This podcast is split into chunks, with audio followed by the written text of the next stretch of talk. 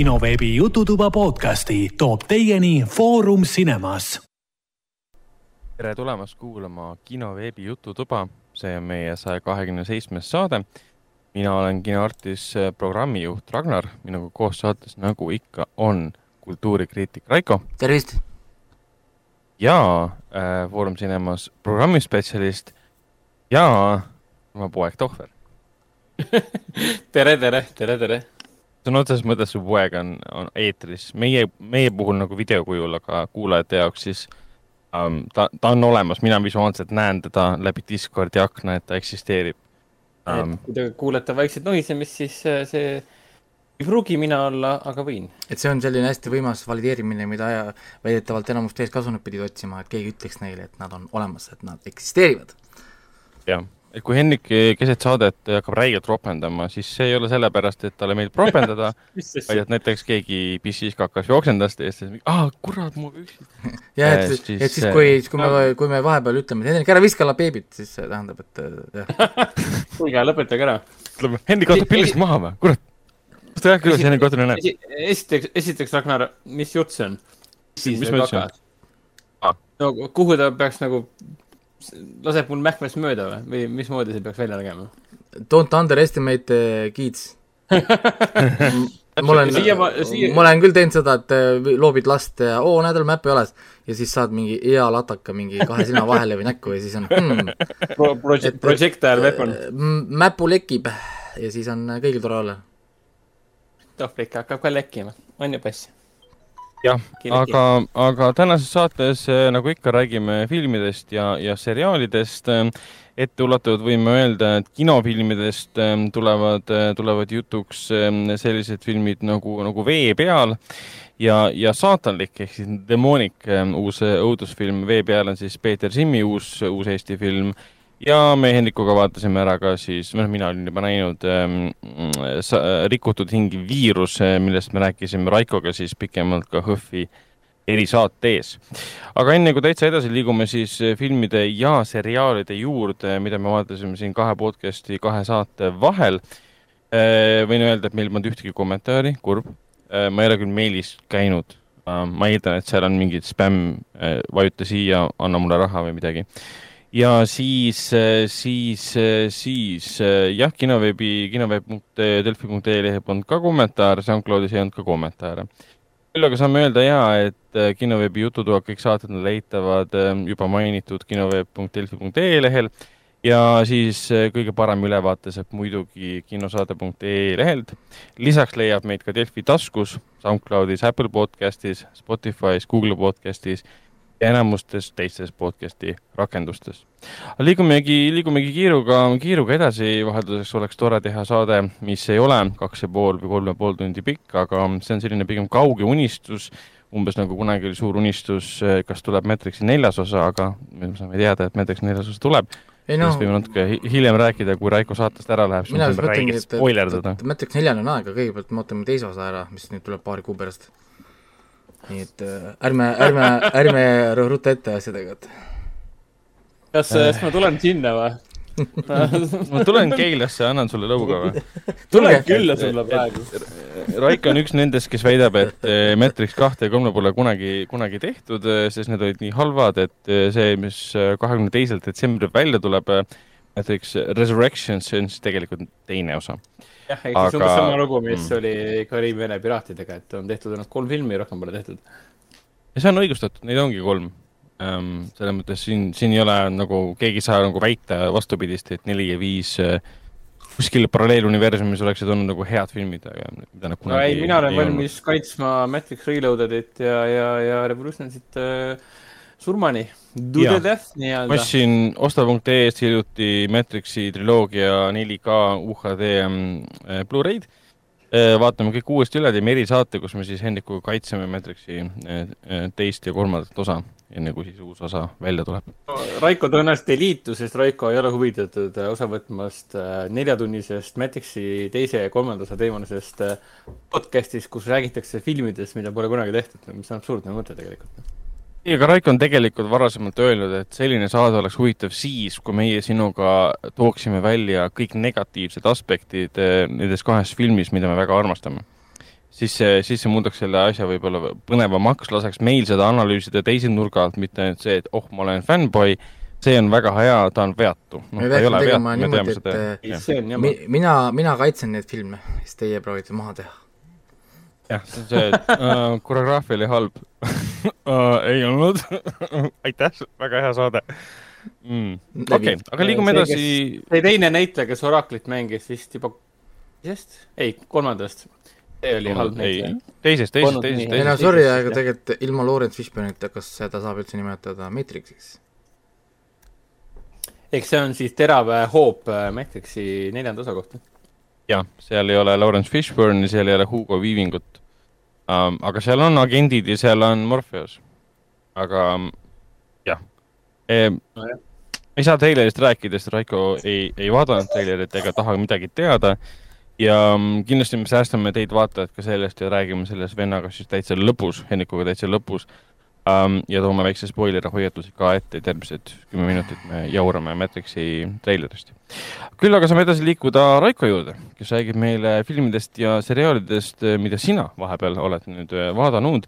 nimekiri on ootamatult äh, lühike, aga samas see on tervitatav ja, ja, ja tore, mõistusepärane, sest, äh, sest saade jääb lühemaks ja näitab ka seda, et Raiko tegeleb muude asjadega peale ähm, filmide ja seriaalide vaatamise.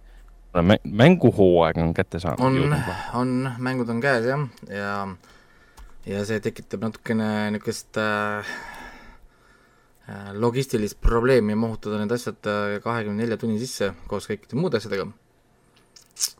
pikad, pikad mängud, palju asju, filme, tore, tahaks vaadata küll, aga jah, ei saa siis ma lõpuks taandusin selle peale, et ma lihtsalt äh, otsisin äh, välja mingeid Blu-ray'sid, 4K omasid siis, lappasin lihtsalt riiuleid. Lappasid oma 4K kogu? ja, ja, ja võtsin lihtsalt mõned välja ja hakkasin lihtsalt vaatama ja, ja, ja, ja, ja päris kihvt oli. muidu noh, kõigepealt ma vaatasin äh, ära siis selle Apple TV plussi C uuesti esimese hooaja rahulikult pindisin taustaks ära, sest ma olen juba näinud seda äh, ja nii mõnus oli siin tööde ja muude asjade taustale seda panna ja vaadata ja ja, ja, ja ei ole kuidagi halvemaks läinud äh,, nüüd kaks aastat peaaegu hiljem, ja, ja ei ole nagu järgi andnud, tõesti nagu, tõesti tahaks nüüd äh, nagu edasi minna, aga ma natuke ootan veel, lasen paar episoodi veel seda järgmist hooaega ära ja siis, siis võtan ette istumisega ja hakkan järjest, järjest lappama siis seda ka teist hooaega. mida, mida siis kõik on tegelikult väga hästi pealt vastu võtnud äh,, mida siis internet ka siin kiidab esimesed kolm episoodi on juba väljas ja mina olen täiesti nõus kiitusega. neljas vist, kas täna juba tuli või? või, või nüüd kolmas tuli? Kolmas tuli ikkagi nüüd. okei okay., siis äh, tegelikult eelmine saade mul jäi rääkimata Castlevania neljas hooaeg, mille ma tegelikult vaatasin vahepeal ära. mingis, mingisugusel põhjusel oli mul peale esimest osa jäänud Castlevania neljas hooaeg vaatamata. ja ma ei teagi, miks ja.... jäi sul vahele, et sa võtsid kohe viienda ette või? ei, ei, neljas on läbi, neljas on viimane hooaeg. aa, ah, neljas on viimane, okei okay,, sorry. ja, ja lihtsalt oli, ma olen, olin vaadanud ühe episoodi ja see jätk pooleli. ja ma ei teagi, miks. Ja lihtsalt lappasin oma seda Excelit ja vaatasin, issand, et mul on Castlevania pooleli. üks-üks on ainult, what the fuck. tähendab, neli-üks. ja vaatasin lõpuni. ja, ja kuradi kahju, et see läbi on. et äh, uskumatu, et, et see on nüüd läbi, aga muidugi noh, ilusti lõpetati ära, storyline'id on äh, lahendatud ja ma ei tea, tahaks, et see läheks nagu veel edasi. materjali tegelikult on nagu nii palju, karakterid on kõik nüüd ilusti välja ehitatud, et andke veel minna, on ju. Aga, aga hetkel, kui ma guugeldasin, siis mingeid uudiseid ei ole mm. -hmm. et, et no, kas on piisavalt edukas, nii et ma arvan, et see ei jää viimaseks. kas mingit reboot'i või midagi muud, aga, aga, aga jah, Castlevania tõesti mega hästi tehtud asi. siis Blu-raydest siis 4K-d lihtsalt otsisin välja, äh, ma vaatasin Planet of the Apes, Tim Burtoni kaks tuhat üks aasta oma Mart Wahlbergiga mm.. ja lapsepõlves ma olin sellel IMDB-s pannud üheksa punkti. jumal. Ja, ja süütu ja naiivne sa olid. ja ma, ja ma tahtsin nagu üle vaadata seda filmi ja, ja siis tulemuseks oli see, et nüüd on see viis punkti oh,. viis on, viis on seda väärt, jah, ei ole midagi enamat. ja tõesti, no väga loll film selles mõttes, noh nagu et, et need storyline'id ja asjad, mis seal nagu on, it doesn't make sense, see film on nagu nagu, nagu nii low brow, kui saab olla ja, ja ma ei tea, see veider mingi romantikavärk selle Monkey Lady ja, ja Mark Wahlbergi vahel ja siis mis see, siin oli nii palju küsimusi mul tekkis, kui ma seda filmi vaatasin nagu, et noh, why? onju, noh nagu. ta tegelikult päris hästi tehtud iseenesest. et muidugi, kuigi, kuigi ma tegelikult äh, natuke tahaks näha seda järge. nii-öelda äh, kus ta seal aa, see oli ju plaanis, aga see kunagi ei juhtunud, sest ta võeti nii halvasti vastu. et seda, seda ei tulnud, et ma ilge tahaks tegelikult näha seda järge. tegelikult, nagu. Nad natukene nagu kibeleb küll. Uh,. noh, sellest ei pikalt räägi, äh, lihtsalt see äh, tõmbasin nagu välja, siis vaatasin Star, Starship Troopers 4K nice.. seda ma vaatasin päris palju, ma vaatasin seda põhimõtteliselt kaks, kaks korda, seda filmi. ma vaatasin lihtsalt nagu läbi, enda üllatuseks. Ma avastasin, kui palju äh, verd siin on, kui brutaalne see film on ja kui palju paljast mm., paljast rinda ja tagumikku siin filmis on. jah, mäletan, lapsepõlves oli see väga mm, meeli ähm, ülendav film selles vallas. ja, ja, ja ma käisin teda Keila kinos vaatamas äh,. Keilas oli kino? jah, Keilas oli kunagi Kultuurimajas kino. sealsamas, kus oli Tekken ühe mänguautomaat, mida me mängisime ja mm. ja käisime seal seda vaatamas ja ma üldse üllatunud, meid lasti sinna vaatama noh, kui ma mõtlen nagu selle fil-, filmi nagu peale ja reitingute ja asjade peale. esemed lendavad ja naised on duši all koos meestega ja jaa, et aga 4K-s oli väga ilus seda vaadata. kas see kogemata läks pult pausile ka, jah? ei läinud pausi peale, ei olnud vaja okay.. aga, aga ei äh,, eriefektid, kõik asjad on minu arust nagu tänased standarditele vastavad et, et kuna ta oli nii praktiline kohati ka ja siis ta peab hästi aja, ajale vastu. jaa, et ma ei saa nagu kuidagi nagu halba nagu öelda. tal on kohati niisugune paroodia lõhn juures ta filmile mm. endal mm., on ju. aga, aga ta on ikkagi väga tõsine, noh, nagu noh, nagu film. ja ta suure, hästi suure kiire tempoga nagu liigub, niisugune, niisugune natuke parodeerivad nagu mingisuguseid äh, vanema ajastu niisugused noortekomöödia stuff'i nii-öelda panevad mm -hmm. nagu mingi, mingisuguse kosmose tõsise sõja mingi noh, nagu kesk, keskmesse. on ju, noh, seesama vaata, et kui nad näitavad seal vahepeal neid reklaame, keegi nagu rappab neid äh, tele, teleka ekraane, sa näed nii-öelda neid tulevikureklaame ja siis oo, et meteoriit ründas meid, meil suri sada kaheksakümmend kuus miljonit inimest. kas te ostsite vaba kinnisvara? Mingi noh, nagu mingi noh, ma olin nagu, ahah, okei okay,, et nagu. see on see lääne kapitalismi ja lääne mingi militaristliku maailmanägemuse paroodia põhimõtteliselt. niisugune, niisugune veider jah, nagu tule liitu meiega nüüd, vaata siis ka mingi sada tuhat inimest sai just kosmoses surma, vaata selles rünnakus, siis paneb järgmisele reklaamile. liitu meie sõduritega, meil on vaja uusi uusi sõdureid, teid avaldus täna. onju, noh nagu, et nojah, muidugi see on sõdurid vaja, sest sa sada tuhat sai just surma, noh nagu onju et, et muidugi noh, siin filmis on ka loogikalõksud, on ju, et miks nad äh, orbiidilt ei pommita tervet planeeti, siis kui terve planeet on äh, täis nende vaenlaseid. miks sa üldse maandud sinna planeedi peale? jah. sest ega sellel nagu... planeedil ei ole ju midagi, mida nad tahavad. jah, nad lihtsalt lähevad ja hävitama, ehk siis miks sa sõduritena maandud sinna planeedi peale? ainult orbiidilt um... anna agu, lihtsalt ainult orbiidilt anna agu sest putukad ründasid kuskilt orbiidilt äh, maad mingite nad, projectile asjadega. Nad saatsid sealt ähm,, meteoriidi saatsid maa poole teele. täpselt. ehk siis, ehk siis miks nad lähevad üle planeedi pinnale nendega võitlema, kui nad võiksid kogu planeedi ära hävitada kaugelt eemalt lihtsalt yeah.. Um, aga äkki neil polnud selleks rakette? aga jah, mul on nüüd üks DVD on ka tegelikult, kus on mingi, ma ei tea, neli Star Tupresse filme või ma ei tea palju neid kuradi kokku on. jaa, neid vist on neli ja vahepeal oli üks animatsioon oli ka. nii et, et ma võib-olla vaatan ka need ära, sest ma ei ole kindel, kas ma üldse olengi näinud kaugemale kui esimene film. ja need on tavalised DVD-d siis, ehk siis nendest 4K äh, versiooni vähemalt ma ei tea, et oleks mm.. Ei no aga see film, see film näitab kindlasti, et Paul Verhoeven on, on väga-väga põnev režissöör, ta võib teha Starship Troopersi, ta võib teha Basic Instincti, ta võib teha äh, kahekümne neljandal ehm, septembril kinodes alustava Benedetta. Ähm, tõsised filmid ja siis ulmefilmid ja ta võib teha kuradi, mis see nüüd oli, selle Schwarzeneggeriga, see Total Recall ka veel. ja seal oli päris palju äh, neid wow. um, feature'ette oli ka päris palju. ma vaatasin mm, seal okay. kommentaaridega vaatasin, ma vaatasin making of videosid, vaatasin special effect'i videosid, vaatasin casting videosid, rehearsal videosid äh,, igasuguseid nagu erinevaid nagu stuff'i. ühte vaadata, mulle meeldib niisugust stuff'i nagu lapata ja ja, ja, ja, ja noh, vaatasin siis nagu seda, eriti mulle meeldis video, kus nad näitasid siis seda, kuidas seda filmiti, noh, nagu ikka, vaata, kuidas operaator filmis ja siis milline see lõpptulemus nagu oli. noh, ja, ja, ja mis tööd ikka näitlejad peavad tegema, kui seal ei ole mingit uh, giant paage kuskil. on ju, no lendeid lihtsalt, toona... lihtsalt ei ole. Mm.. nii et, nii et selles mõttes kihvt film oli, parem, parem kui ma nagu arvasin, et siis seal ma tõstsin isegi hinnad ma olin kunagi talle kuus, ma tõstsin kaheksa peale äh, filmil mm. nii et, et siin ma isegi tõstsin. ja siis ma hakkasin vaatama, nüüd mul on olemas äh, triloogia äh,, 4K äh, triloogia, Planet of the Apes triloogia, see moodne äh, Planet of the Apes siis äh,, kus, mis mulle tegelikult väga meeldis, need filmid kõik.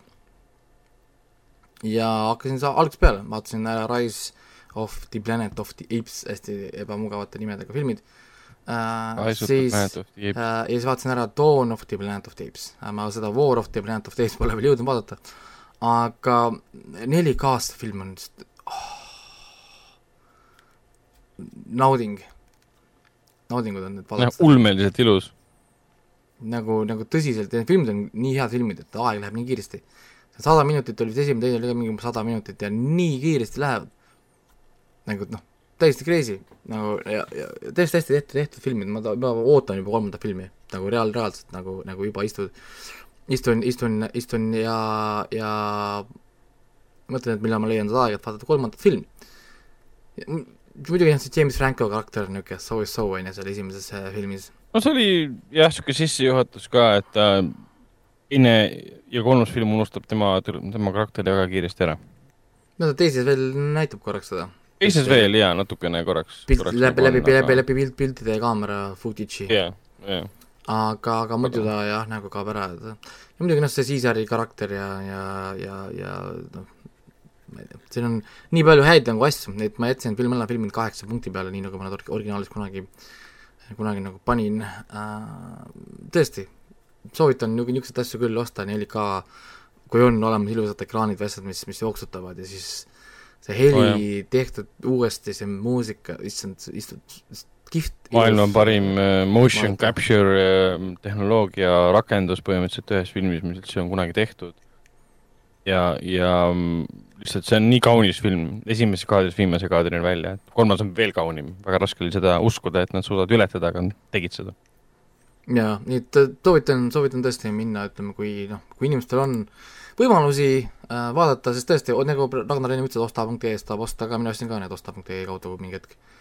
ja, ja ma maksin ainult, ma maksin ainult mingi seitse, üheksakümmend üheksa vist. Või midagi. Oh,. terve, terve triloogia. no täpselt, noh.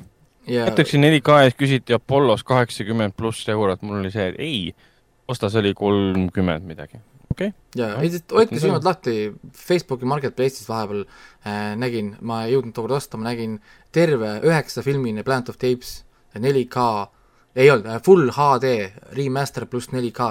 ehk siis uued filmid olid 4K-s ja vanad filmid olid kõik äh, ah, kõik vanad filmid? ehk siis vanad kurat. viis filmi olid full HD äh, remake ja viis üks heli. Ja siis uut, neli uusfilmi olid 4K-s ja mm -hmm. terve see set oli müügil, küsiti kakskümmend üheksa, üheksakümmend. ja, ja, ja ma mäletan, ma olin vist autos kuskil, mõtlesin, ma koju jõuan, ostan ja siis kodus ma jõudsin, seda ei olnud enam. et, et äh, tasub nagu silma peal hoida ja tõesti, need hinnad on nagu väikesed ja noh, jah.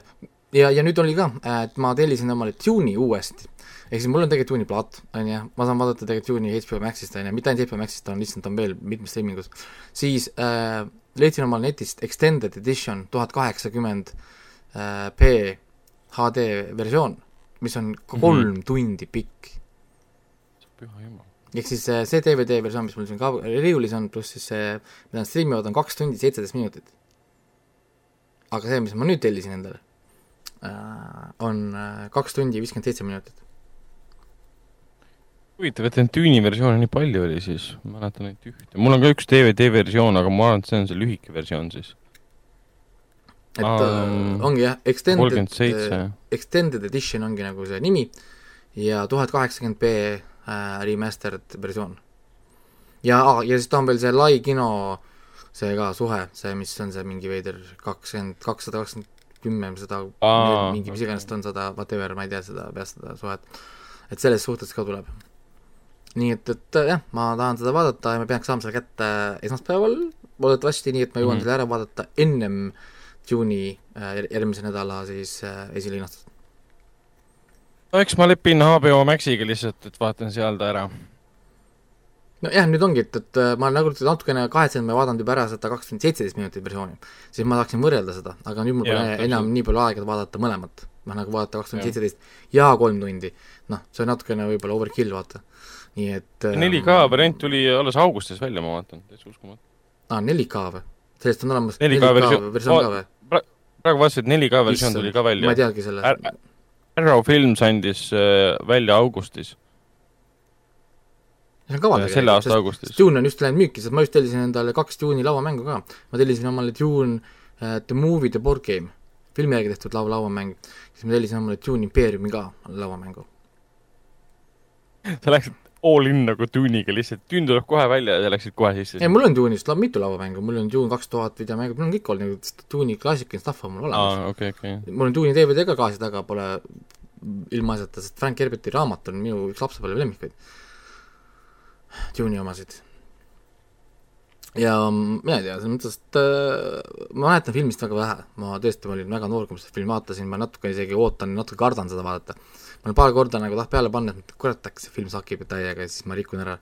ja, ja noh, nagu, aga, aga tõenäoliselt ei, ei saki, et noh, muidugi näitlejaid on seal palju, seal on head näitlejad, äh, et, et äh, ma ei tea ise ma mäletan lapsepõlves, kuidas ma naersin, kuidas nad tegid seda usti peal ratsutamist mingi kaltsuste peal, vaata nägi nii naljakas välja. ja mingi niisuguseid asju, noh nagu, et, et ma ise kardan nüüd vaadata neid mingi tuhat kaheksakümmend B kvaliteedis ja nüüd tõesti, kui on olemas veel 4K kuskil, on ju, mida ma nüüd, nüüd ma pean ostma muidugi, sest mainisid seda mis on nagu tobe um,. jah, Amazonis on ta otsas, öeldakse, et varsti tuleb tagasi nelikümmend kaks dollarit, nelikümmend kolm dollarit no äkki, äkki siis kuskilt, kuskilt saab. ma olen äh, Facebookis ka nendes erinevates 4K filmide, ütleme, filmivahetusgruppides, siis sealt saab ka tegelikult päris hästi tulevad täiesti uus 4K restoration originaalkaamera negatiivist võetud wow..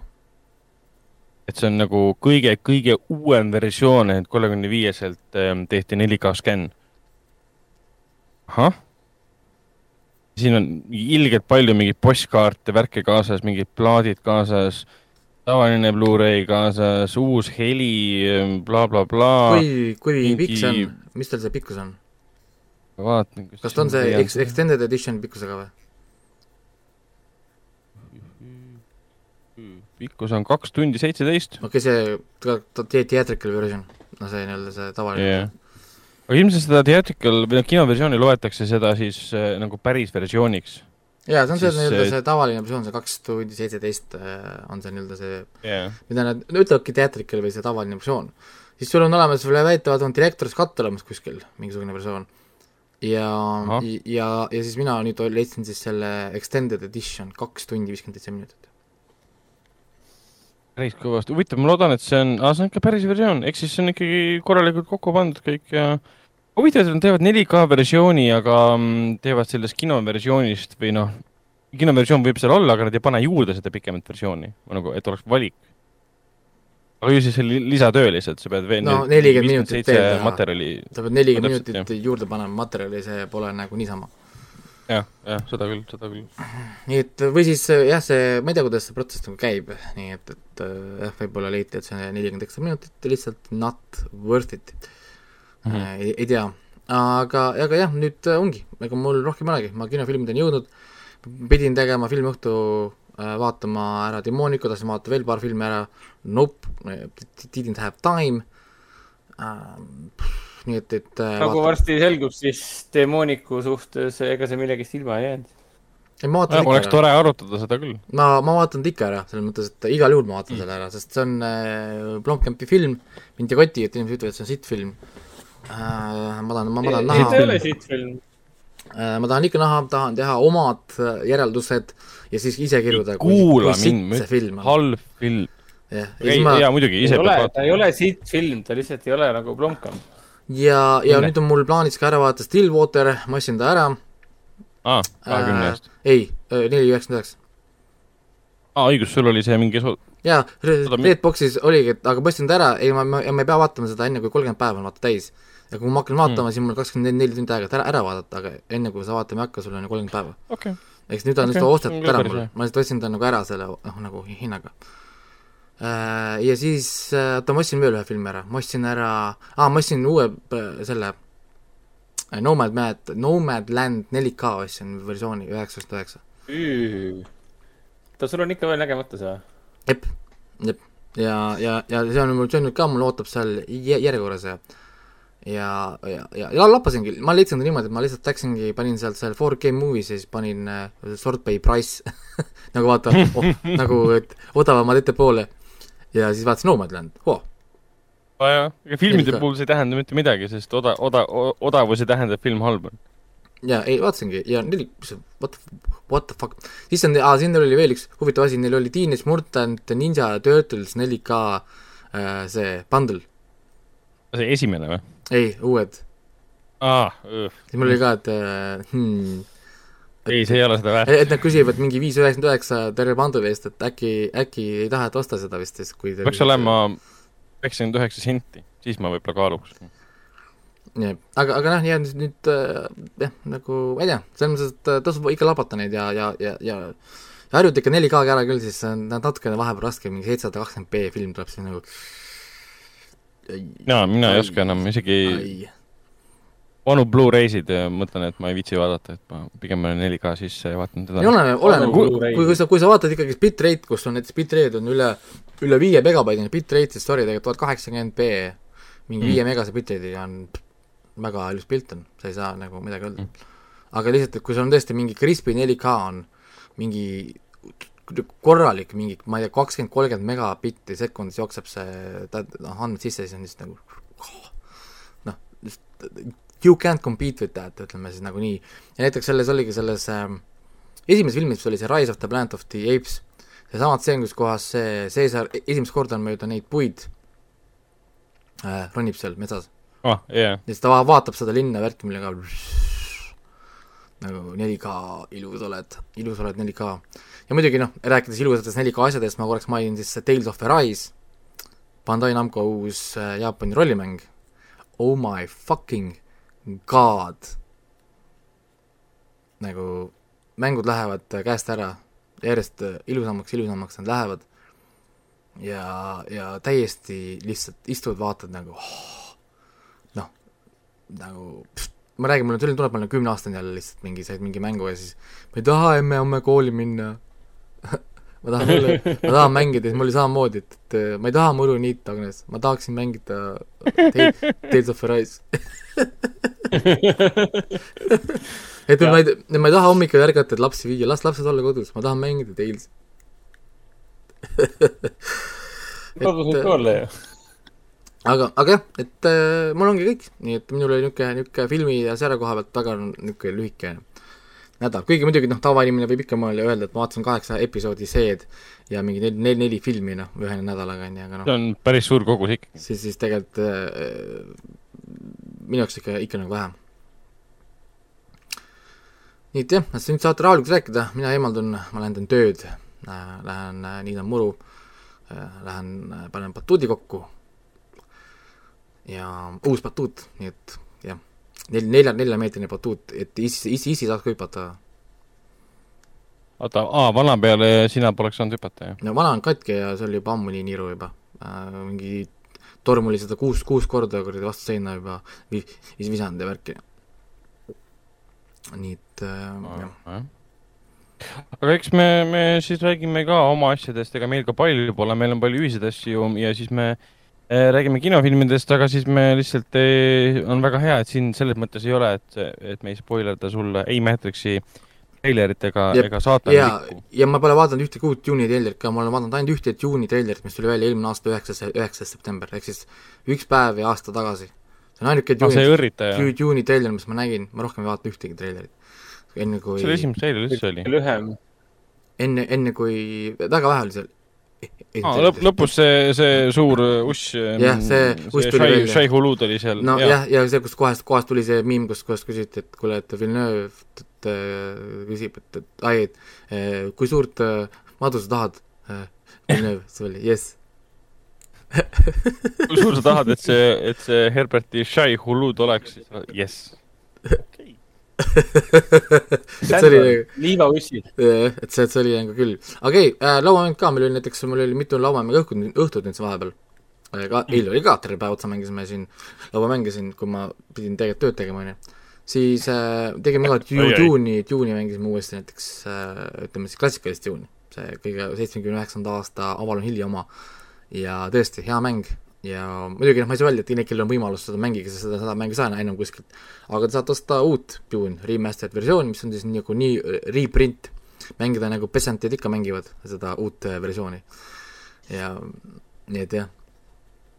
aga, aga selge, äh, minuga siis näeme ju järgmine nädal, kus me räägime Dune'ist, sest see on raudne esilinastus, mitte kotti nagu palju mul, mul tööd teha on, sest Dune'i esilinastus ma lähen vaatama igal juhul, sellest üle ega ümber ei saa nii et jah. aga me vaatame siis, vaatame siis kõik kuu, kuus siis kuueteistkümnendal äh, õhtul kell seitse? plaan on küll jah, sest äh, algselt ma mõtlesin, ma lähen pressikale, aga siis ma mõtlesin, ma ei lähe ikkagist, sest äh, ma tahan minna teistega koos, sest nüüd nii palju inimesi tahab minna juuni esikale, lõpuks oli see, et no fuck it. ja lähme mm. siis äh,, lähme siis sinna, et ma kannatan veel selle ühe päeva ära, mis, mis, mis vahet sellel on nii et äh, no jah. vahenduseks on nii tore vaadata seda saali, saali plaani ka, et nii palju piletid on juba ette ostetud sellele ühele. ja, see läheb järgmise nädala lõpuks läheb see täis ka. et kogu keskmine osa nagu maksab täis. nädalavahetuses on siis väga müügis, nii et eh, kui ühest korrast ei piisa, siis saab mitu korda järjest käia. oi, ja niikuinii, kui film on hea film, siis ma ootan ära selle HBO Maxi reliisi ka, mis on nüüd ju oktoobri lõpus. ja siis teeb kodus ka ühe ilusa filmiõhtu. oo oh jaa, sinu juures oleks päris äge see ja, ja kusjuures ma, mul tekkis, mul tekkis mõte, ma tahaks vaadata siis uuesti Tomorrow War'i ja Dune'i. on päris hea tu-, duubel, üks on mingi Glowburn Villeneuve huinamuina ja teine on niisugune mm, ilge andmine kaks ja pool tundi. mingi nagu action, action porno lihtsalt, et helivärgid põhjas porno, ja, ja värgid, et ma olen siin heli ka timminud ja mul on siin erinevad helilahendusi jälle siin siia-sinna ja, ja asjad vaikselt lähevad paika.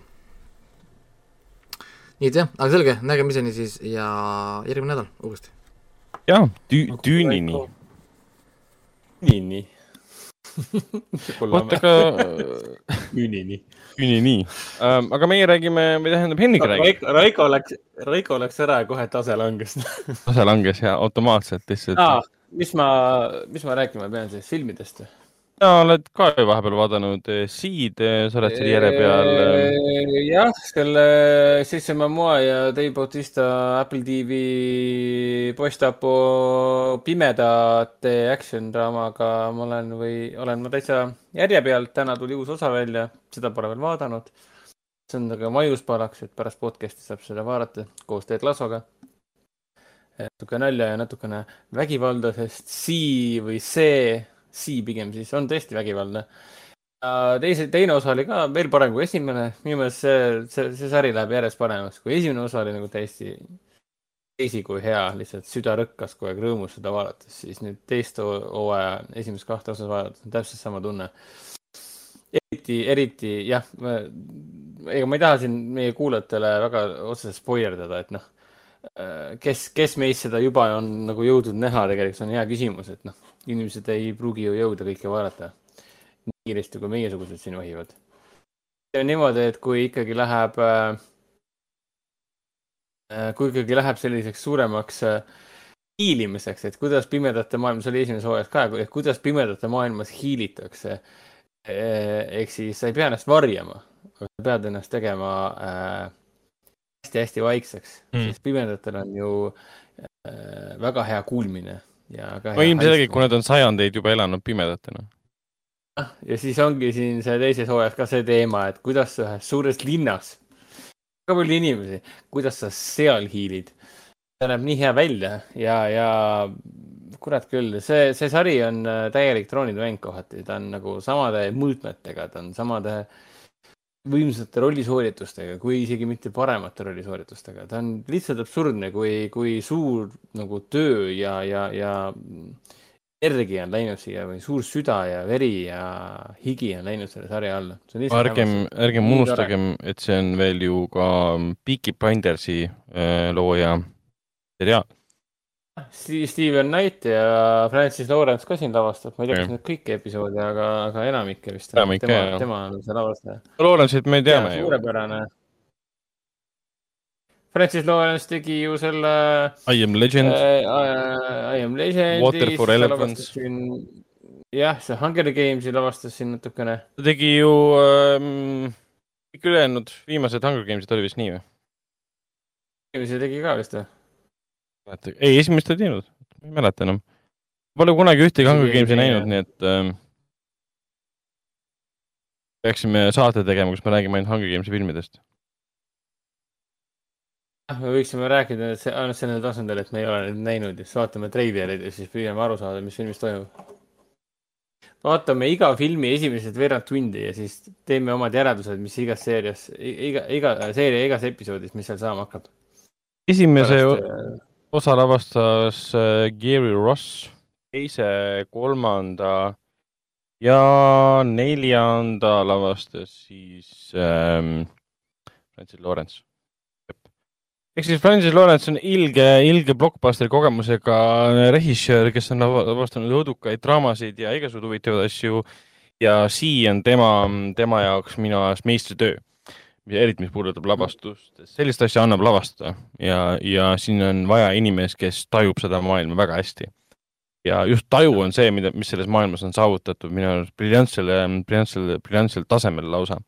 et sa räägid hiilimisest, aga see mida tähendab pimedate maailmas hiilimine, on see, see on see misdirection. kuidas Baba Voss ehk siis äh, Seisma Moa võitleb, kogu aeg suunab oma, oma, oma vastaseid vales suunas, sest nad on pimedad ja reageerivad helile. ta tajub ära, kust nad tulevad. täpselt, ja ta suunab neid eemale, et saada neid rünnata. ja, ja see on ikka nii jõhker ja nüüd me saame te teada tema siis, äh, ma ei taha spoilerdada, aga tema sugulase kohta ja tema tausta kohta, me saame Baba Vossi mineviku kohta rohkem teada Ähm, kui esimene hooaeg oli laste minevikus, siis nüüd me saame siis äh, Ava Vossi ja siis tema naise, ähm, mis ta nimi on, Agarta, Ageta? Ähm, Magra, Magra äh, mineviku kohta rohkem teada. nojah, ja siin äh, draamat on siin sarjas palju, olgugi et ta on väga, väga kohati väga sünge ja brutaalne, aga ta on niisugune blockbusterlik brutaalsus, ehk siis ikkagi nagu see troonide mäng, et siin ei ole midagi liiga aeglast või liiga kiiret, on täpselt doseeritud sellisele troonide mängu vaatajale. No.. Et no, kui viimane troonide mängu hooajad ei meeldinud, siis on väga hea asi, mida vaatama hakata, see see. ja see on väga sarnased. sul, sul loputab ära. sul on mingi seltskond kogu aeg on konstantselt äh, teekonnal, nad on alati liikumas punktist punkti, nendega juhtub midagi ja seal on draama, on the road sul on mingi seltskond, kes veedab aega mm, nii-öelda lossides, nii-öelda kuningalossis, no nagu troonide mängus. seal on kogu aeg mingi draama, mingi paleepöörded käivad, värgid-särgid. Siis sul on mingi kolmas seltskond, kes veedab aega vangikongides eh, ja, ja kuskil, eh, kuskil metsade vahel. ja seal on mingi draama, et selles mõttes on väga selgelt ära jaotatud eh, ja teine hooaeg on selles mõttes veel selgem. esimene hooaeg oli ikka kõik enamjaolt tuli on the road, et teekonnafilm siis teine hooaeg on väga täpselt ära jaotatud, kes millega tegeleb ja kuhu see asi kõik välja jõuab praegu ma ennustan, kuhu see välja jõuab, aga mm, seda seriaali tundes vähemalt olles veendunud, et esimese hooaja põhjal ma sain seda seriaali tundma õppida, siis ilmselt ta ei lähe sinna, kuhu ma arvan, et ta läheb. Äh, mis on ainult tore. ja ma siin ah,, sa vaatasid ka siis, sa oled ka siis Brooklyn Nine-Nine'iga täitsa järje peal, jah? ja ma ei teagi, palju seal episoode nüüd tulemas on, kaheksas hooaeg on olemas. IMDB väid-, IMDB väidab, et kaks osa on veel tulekul ainult kaks osa. Ehk siis Hulus äh, ta hakkas nüüd jooksma kaheksas hooaeg, see on nüüd viimane hooaeg äh, ja iga nädal tuli välja kaks osa korraga. ja nüüd ongi kaks osa jäänud ja ongi kõik. Ähm, mis ma oskan öelda, on see, et ähm, esimene episood oli ilmselgelt tiivustatud ähm, sündmustest, mis juhtusid, äh, juhtusid seoses George Floydiga, Black Lives Matteriga, politsei, kõige sellega aga kõik ülejäänud episoodid on tüüpiline Brooklyn Nine-Nine. ja siin isegi see aspekt tuleb sisse, et sa ei saagi aru, et see oleks justkui viimane hooaeg, et see on ju see viimane, viimane rohkem ei tulegi. kuigi need elemendid on olemas. osad episoodid on niisugused kokkuvõtlikud, osad episoodid mängivad sellega, et äh, ma ei tea, Charles Boyle arvas, et ta on suremas ähm, ja siis ta hakkaski tegema monolooge siis Jake'iga, et aa, meie aeg saab läbi ja see on nii kurb, ma tahtsin veel teha. et see element on olemas mm, aga nad ei keskendu sellele kogu aeg. Aga nad sõlmivad mingeid asju kokku. et kui sa lampi lähed kaheksandasse hooaega, ega sa ei pruugi küll kohe aru saada, et sulle peab keegi ütlema või sa pead kuskilt lugema. et see on justkui viimane hooaeg, et kas sa oled selle, selle, sellest nagu aru saanud seda vaadates, siis ma ütleksin seda, et ei, nad panevad täiesti tüüpiliselt Brooklyn Nine-Nine'ile omaselt on kõik gaas põhjas ja tehakse nalja elu eest. sama, sama tobe ja sama lovable või armastusväärne. Aga noh, kui sa oled kõiki hooaegu näinud, eh, siis kaheksas hooaeg on väga arusaadav, seal noh, nagu ikka tegelased, kõik on juba ära abiellunud, kes pidid abielluma, kes said kokku, kes pidid kokku saama. mida nüüd teha saavad, on see, et nad täidavad inimeste unistusi annavad inimestele ametikõrgendusi, annavad inimestele mingisuguseid äh, lõpetusi ja sõlmitusi, mida nad enne võib-olla ei saanud ja nii edasi. Et äh, selles mõttes, selles mõttes ta mõjub küll nagu viimane hooaeg, aga ma tahan näha, kas viimased kaks episoodi, need tulevad siis sellised nutused ja, ja, ja võib-olla viimane episood mängibki välja selle, et meie oleme nüüd meeskonna läbi või nad teevad nii, nagu sõbrad tegi kunagi et nad lihtsalt läksid edasi samasse kohvikusse kohvi jooma ja oma elu edasi elama, lihtsalt meie ei näe rohkem nende elusid. või nad teevad. seda see tundub ka olevat natukene, et kuna Jake ja Amy ja neil on ju Ebi ja Puha ja, ja, ja meil on siin see Captain Holti ja tema abikaasa teema, et noh, et will they, won't they teema, no me teame niikuinii, et nad jäävad kokku ja saavad kokku ja nii edasi, et noh, siin on väike lahutuse teema sisse toodud. mitte lahutuse, vaid lahkumineku teema siin on jah, ma ei tea, kas Boilsi, Boil? Boil, Boil, jah. Boils või Boil. kas Boiliga, kas Boilil on mingisugune lahtine, lahtine teema või, mida, mis peaks kindlasti sulgema viimase hooaja lõpuks või? ei ole tema pojast, Nikolašist äh, ammu midagi kuulnud, et võib-olla selle kohta no, tuleb mingi ja, teema sisse. üks episood oli niikuinii juba Knives Out'i nii-öelda paroodia. Game of Boils aa ah,, ja, ja, ja oli küll jah, see oli päris hea. mõrva Aga... lugu ja need polsid on nii veidrad tüübid, noh, ma ei, ma ei saa, ma ei saa üle sellest. No jätkuvalt äh,, Brooklyni huumor on äh, fantastiline ja, ja seda saab äh, uuesti ja uuesti ikkagi vaadata. aga mis veel nüüd läbi saab kuigi hooaegu tuleb veel juurde, on Rick and Morty viies hooaeg ähm, sai nüüd ähm, läbi, viies, viimane, viimane, viimased kaks episoodi tulid siis korraga välja, üheksandal septembril.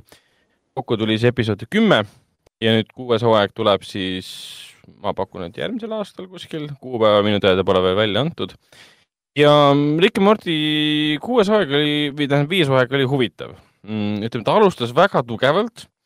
esimesed kolm episoodi olid väga tugevad siis ähm, neljas, äh, neljas, äh, viies võib-olla nii meeldejäävad enam ei olnud, aga siis, kui tuli see president, siis ähm, ja, ja kui tuli see anime episood robotitega, siis ja, ja siis, kui ta hakkas tagasi minema selle põhi narratiivi juurde, milleks on siis Riki minevik, Riki kamraadid, Bird Person ja kõik see, Evil, Evil Morty ja nii edasi siis ta hakkas nagu uuesti põnevaks minema, aga oli aru saada, et nad selles hooajas üritasid nagu teha seda, jätkata sellega, et olgugi, et meil on toimunud väga suured sündmused, ega viies hooaeg tegi samamoodi tegelikult. Et ühes episoodis oli kõik see narratiiv jooksmas ja siis, siis, siis enamus hooajast ei tegeletud sellega mis on täiesti nagu arusaadav ka, sest äh, ega Harmon, ähm, Dan Harmon ja siis äh, Justin Roiland saavad ise ka aru, et ega seda, seda narratiivi ei ole nii palju. kui nad hakkavad ainult narratiivile iga episood keskenduma, siis see asi saab nii kiiresti läbi ja nad ei saakski seda kümne, kümne episoodi seda nõuet nagu täita.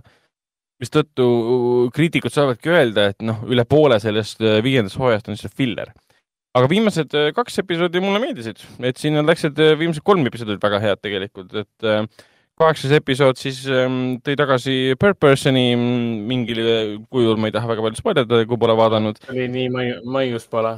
oo oh, jaa, ja siis üheksas episood võttis, võttis ette siis Marti. kas temal on Ricki vaja ja vastupidi, kas Rickil on Mortit vaja. Ja siis, siis kümnes episood jätkas sama teemat, et kas, kas Rickil on Mortit vaja ja nii edasi. et nad hakkasid äh, lahkama sedasama teemat, äh, et äh, mis puudutab neid kahte, miks on nemad unikaalsed maailmas või universumites, mis on täis Rick ja Mortisid ja siis me saime teada erinevate, erinevaid nagu detaile siis Mortide kohta üldse. et kes need Mortid siis tegelikult on, nad ei ole lihtsalt väiksed poisid, mingid teismelised. Kes need Rickid tegelikult see on? ja me saime siit lõpliku vastuse, saime fanservice vastuse, isegi kuna see, tegemist on endiselt meta, meta, metahooaega, metaseriaaliga, mis kommenteerib omaenda et nad ise kommenteerisid seda, et, et, et, et saame selle fanservice või selle kohustusliku taustsüsteemi lahti seletamise no, värgiga ühele poole, et lähme edasi, lähme story'ga edasi, aga räägime kiiresti selle jama ära, mida kõik teada tahate. Jah, et siin noh, oli, oligi see, et ju äh, Rick, äh, Rick ütles, et, et lähme sinna Canonisse tagasi. ehk siis lähme tegeleme sellega, millega, millega fännid, fännid on, on olnud väga rahul aga mitte rahul sellega, et sellega pole jätkatud. nüüd me saime kõik selle tagasi. Evil Morty, äh, kes valiti siis ähm, Rick and Morty universumi selle Citadelli valitsejaks, äh, mis temast sai, lõpuks me jõuame sinna suure ringiga tagasi, sest ega viies hooaeg sellele, või tähendab neljas hooaeg sellele ka ei keskendunud.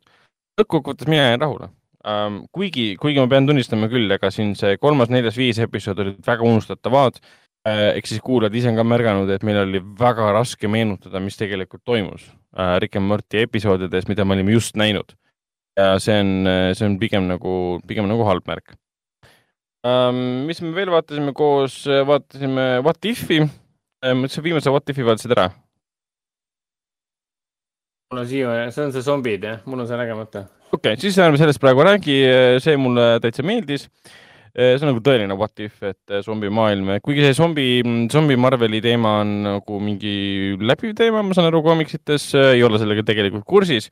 aga ma saan aru, miks sellest ei filmi teha. aga ma nägin mingeid klippe sellest uuest osast ja no okei okay,, tundus päris põnev, päris hmm. huvitav, päris. ei, ta on huvitav, ütleme nii ja siis. siiamaani see äh, What If ei ole mulle väga muljet avaldanud. no arusaadav ka, ta on niivõrd episoodiline ja, ja ta kas kordab seda, mis on juba tehtud äh, väikeste variatsioonidega või siis läheb täiesti nagu mm, nagu saali teisele poole, näitab maailma, mida me ei ole varem näinud, mis on see kõige põnevam osa What If'ist. Äh, mida rohkem ta jääb nagu sarnaseks sellele, mis on juba tehtud, seda igavam ta ka on tegelikult aga siis me vaatasime sinuga ära Amazon Prime videos, ehm, on olemas ehm, Eesti Amazon Prime videos ka, on olemas kõik äh, Rebuild of Evangelion äh, filmid. Ehk siis aastal kaks tuhat seitse alguse saanud äh, Evangelion. Filmiseeria, mis põhineb siis Neon Genesis Evangelioni teleseriaalil, Jaapani animeseriaal, mis jooksis üheksakümmend viis, üheksakümmend kuus ja siis äh, selle looja Hideoki Anno hakkas siis, äh, hakkas siis tegema, alustades aastal kaks tuhat seitse, kui esimene osa välja tuli, äh, siis, siis nelja filmi, mis võtavad kokku justkui selle, justkui selle Neon Genesis Evangelion seriaali ja siis arendavad seda ka edasi uute, uute pöörete, uute arengutega, mida seriaalis ei käsitletud. et neid Evangelioni filme on see võib, see neid Rebuild of Evangelioni filme võtta kui noh, remake idena, reboot idena ja, ja pigem jah, remake, reboot kuskil seal vahepeal. et aga suht pull on vaadata ka, et see kaadrisagedus, mis jääb, mis puudutab tegelasi, jääb küll samaks, aga taust äh,, tausta, taustakunst on kõik nagu uuenduse saanud, kõik on nii HD ja kõik on nii kiire ja nii edasi, väga äge vaadata mm aga ja, meie vaatasime siis äh, kaks tükki ära. Plaanis on veel siis kolmas-neljas ka ära vaadata, mida me näinud ei ole ähm,. aga jah, esimesed kaks olid väga võimsad, et see on nagu hea vabandus, et sa, miks sa ei pea seriaali vaatama, sest piisab nelja erineva filmi vaatamisest, ta võtab seriaali tegelikult kokku.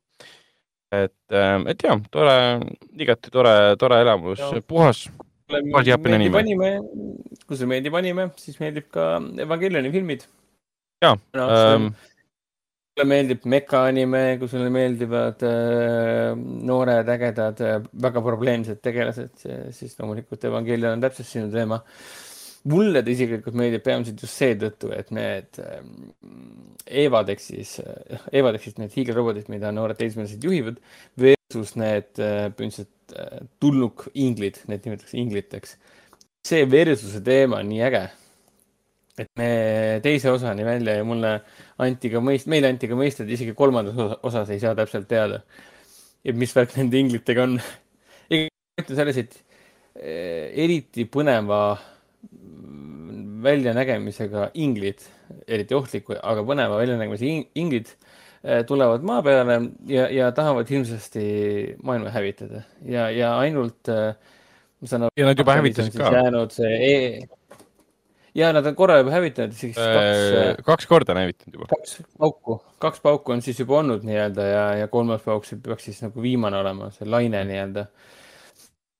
Jaapanis on siis ainukesena jäänud see, see Evade baas nii-öelda, kus on siis need hiigelrobotid, et kes on Pacific Rimi näinud, teist osa näinud, kes on vaadanud ka Pacific Rim äh, Blacki, Netflixis see animaseriaal, siis noh kui Evangelioni poleks olnud äh, seda mm, seriaali, esialgset animeseriaali, siis poleks ka mitte mingisugust mekaanimet sellisel kujul.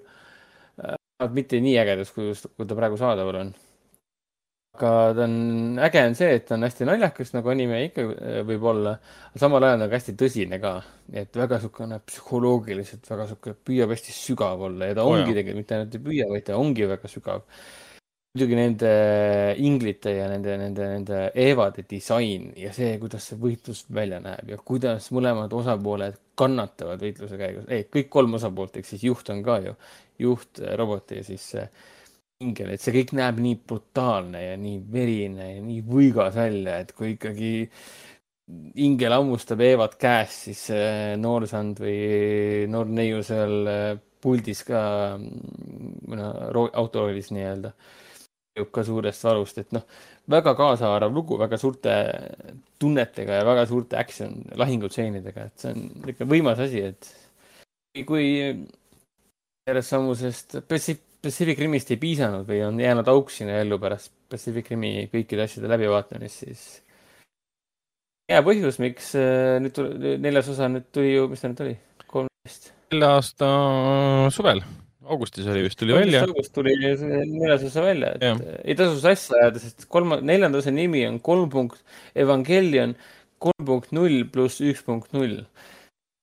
mina olin ise ka, olin ise ka Amazon Prime videos ja ma olin väga segaduses, oota, aga miks siin kaks kolmandat osa on ja seal siis nägin, alles siis nägin, et aa ah, jaa, pluss üks punkt null on ka siin otsas, et noh. jaa, pluss üks, vaata, sa pead arvutama lihtsalt, et see on tüüpiline Jaapani niisugune pealkirjastatus, et sa hakkad lugema neid, midagi aru ei saa ja sa hakkad vaatama.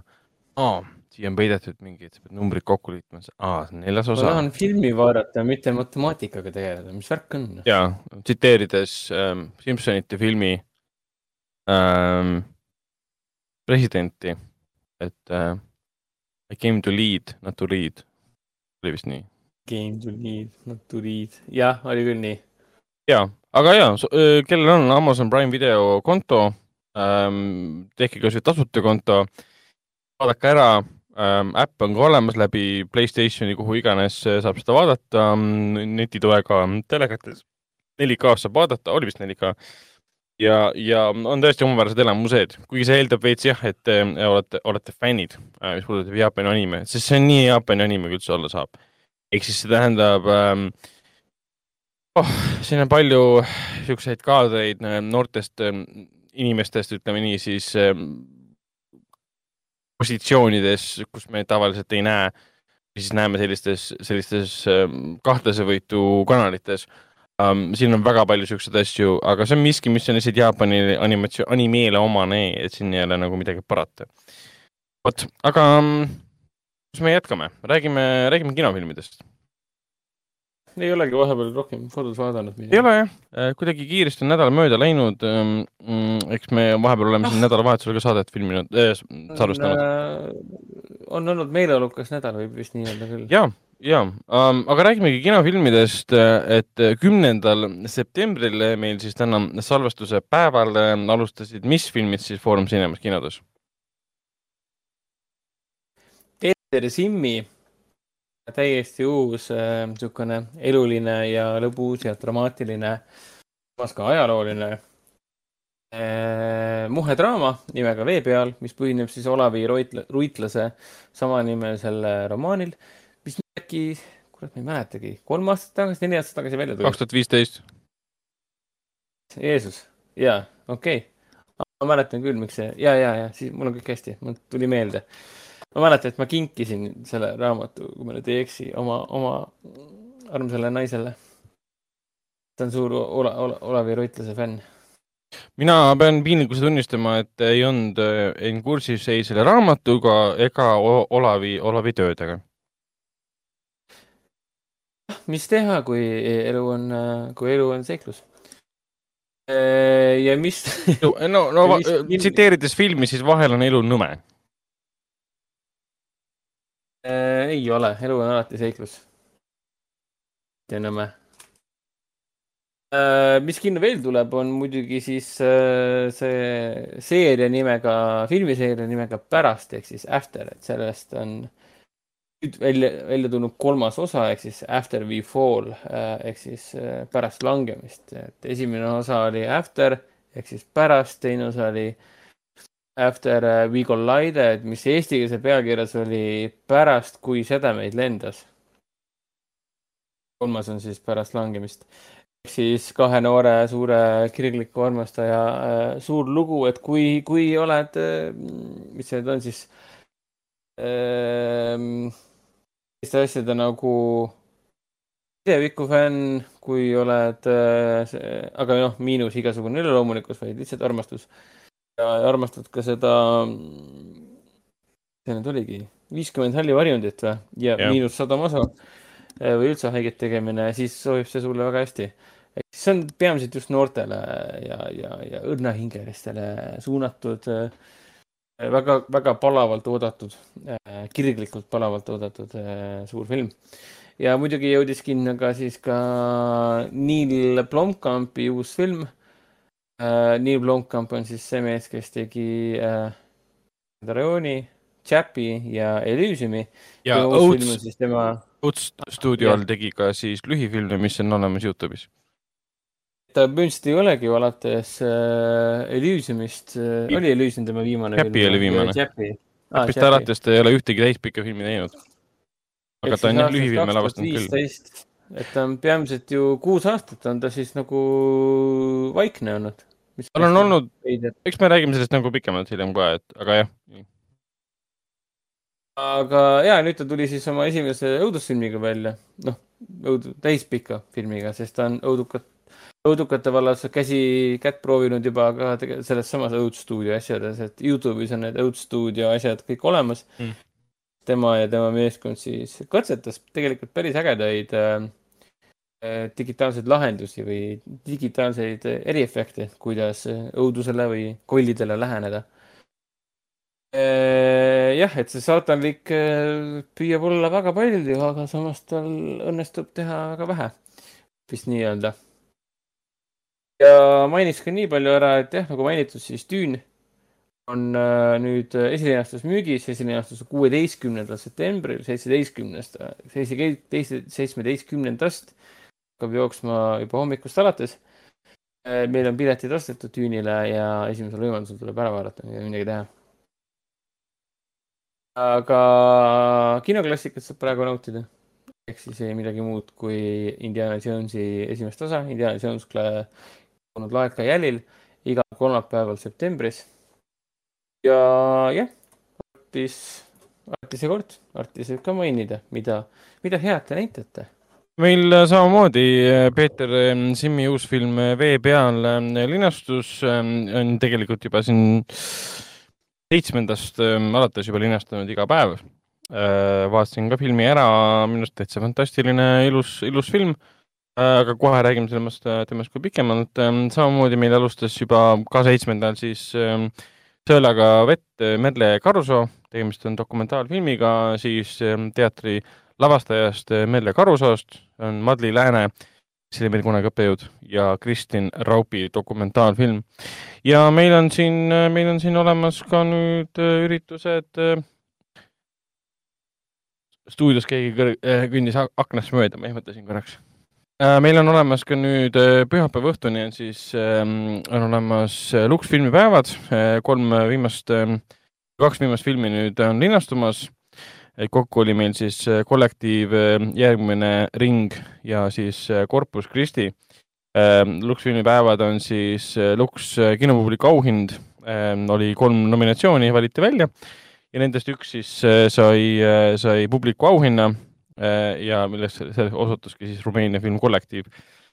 Enne ta oli Lux filmi auhind, kus lihtsalt valiti kolm filmi välja ja siis žürii valis selle põhifilmi, aga nüüd eelmisel aastal või juba üle-eelmisel aastal otsustati, et las siis Euroopa kinopublik otsustab, ähm, mis on see parim, parim film.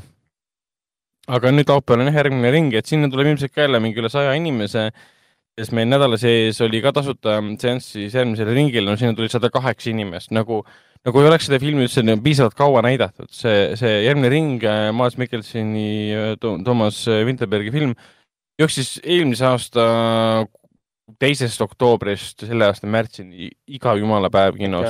väga, väga pikalt jooksis kuigi me olime kinni vahepeal, nii et see on arusaadav, inimestel tekkis see nälg.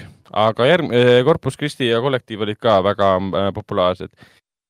Ja meil nüüd siis äh, teisipäevast äh, hakkab jooksma ka Euro, Euro Panorama kaks tuhat kakskümmend üks. tegemist on Euroopas ja Austraalias toodetud siis lühifilmide ja dokumentaalfilmide programmiga, kolm päeva, neliteist, viisteist, kuusteist september, kokku on kaheksateist filmi Äh, iga programm on kaks tundi, seal on neli kuni seitse filmi ja kõik filmid on tasuta. ehk siis iga kahetunnine programm on äh, tasuta. Esimeses programmis on ainult Iirimaa filmid, teises programmis on juba erinevate Euroopa riikide filmid nagu näiteks Prantsusmaa, Luksemburg, Rootsi, Norra, Belgia ja Rumeenia. Ja kolmas programm siis kuueteistkümnendal on ainult Austraalia filmid, et seal on ähm, igas, tähendab see Iiri programmis esimeses ja siis viimases Austraalia programmis, seal on mõned ka peaaegu täispikad filmid, üks ongi täispikk film, mis tegemist on dokumentaalfilmiga.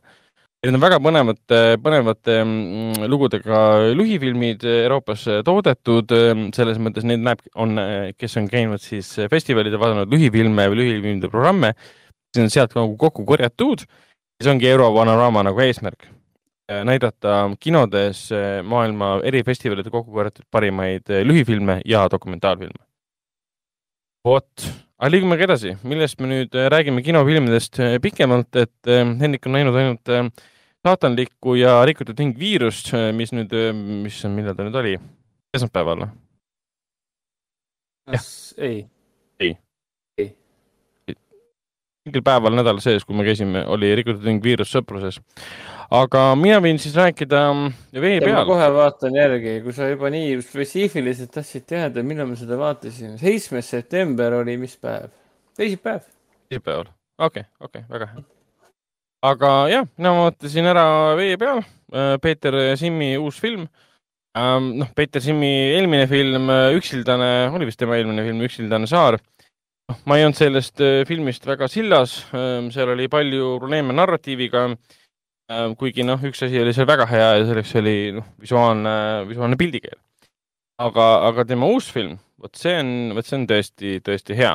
Eks siin oma, oma rolli mängib muidugi Olev Rõitlase tekst, ähm, Olev Rõitlase narratiiv äh, ja aga, aga. seda aga... raamatut ikka palju kiideti tegelikult äh, tõesti väga mahlaka keelekasutuse eest. ja, seda ta on ta tõesti, siin on sellist võrukeelset ropendamist on ikka, ikka päris palju Äh, võru, kas on võru keel või see on võru, võru murdes ropendamist, on siin ikka päris okay. palju. keel jah ähm,. On siis, milles ta siis on, et ta on, ähm, ta on kaheksakümnendatel äh, siis äh, Võrus äh,. räägib noorest, noorest poisist Andresest ja tema elust oma ema vanavanematega selles väikses Võru, Võrumaa külas ajal, mil, mil Nõukogude riik valitses veel Eesti üle mis probleemid on noorel inimesel, et noh, ei saa koolis hakkama, teda kiusatakse, tema tahab ainult kalal käia kohaliku kollaga, kellel on lollipaberid, äh, kes ei ole kõik lollipaberid, nagu filmis ise öeldakse, et tal ei Aa, ole kõige selgem mõistus. Mm. ja, ja ma, kes seda koljat mängib, issand, miks mul ei tule meelde, fantastiline roll lihtsalt vaata, kas ma leian Eesti filmi andmebaasist selle üles, väga piinlik, et ma seda peast ei tea. Et Marko Matvere teeb siin fantastilise rolli, Rasmus Erme teeb fantastilise rolli, aga mm, Koljat, äh, Koljat, Koljat, Koljat, nii, Koljat mängib, kes? Eesti filmi andmebaas on hästi põhjalik, mulle nii meeldib, et siin on kõik info olemas. ei olegi kirjas. väga tore ah,. Arne Soro. Arne Soroga mina jah. Kursis ei ole. ja kui sa paned Google'isse, siis on tema jah, Arne Soro on tema. Ähm, mm -hmm. kus ma teda näinud olen, ta on Ugala teatris ähm,. Mm -hmm. ta teeb mingi MVP rolli siin või? põhimõtteliselt ja, aa, ta on ikka filmides mänginud. Georgis oli detsembrikuus, noh, ammu pole teda olnud jah. seriaalides Doktor Silva, noh, kõik siuksed asjad, mida ma ei ole vaadanud ohtlikult lennus kunagi. Igatahes Hannes Aro on MVP, Rasmus, Rasmus Ermel on MVP ehk siis most valuable player ja, ja muidugi, muidugi noh, Peeter Simmust muidugi rääkimata, väga tundlik, ilus pildikeel. aga Evelin Põigemastil on ka siin roll ja see on nii ah oh,, ma ei saa seda spoilerdada, aga kes on raamatuga kursis, ilmselt teab, mida ma mõtlen. tema mängib siis äh, Rasmuse, Rasmuse ema, kes läks siis Rootsi. Aga püha jumal, vot see oli, see oli nii ähm,, kuidas nüüd öelda, cringe. iga kord, kui Evelin Võigemast äh, ekraanile asus äh,, see oli väga cringe, kuidas Kring, see kuidas... kringel roll. jah, väga kringel, kuidas otsus-. seda teeb või? jah, väga kringel, kuidas otsustati, et tema, tema rolli nagu filmi rohkem sisse tuua aga ja, et siin, siin Valter on siis, on siis Matvere, kes on, põhimõtteliselt nad kõik on külajoodikud seal peale, peale Rasmuse, selle Andrese ja tema siis vanavanemate, kes teda kasvatavad. sest Andrese siis isa läks Venemaale, oli ehituses, kadus ära.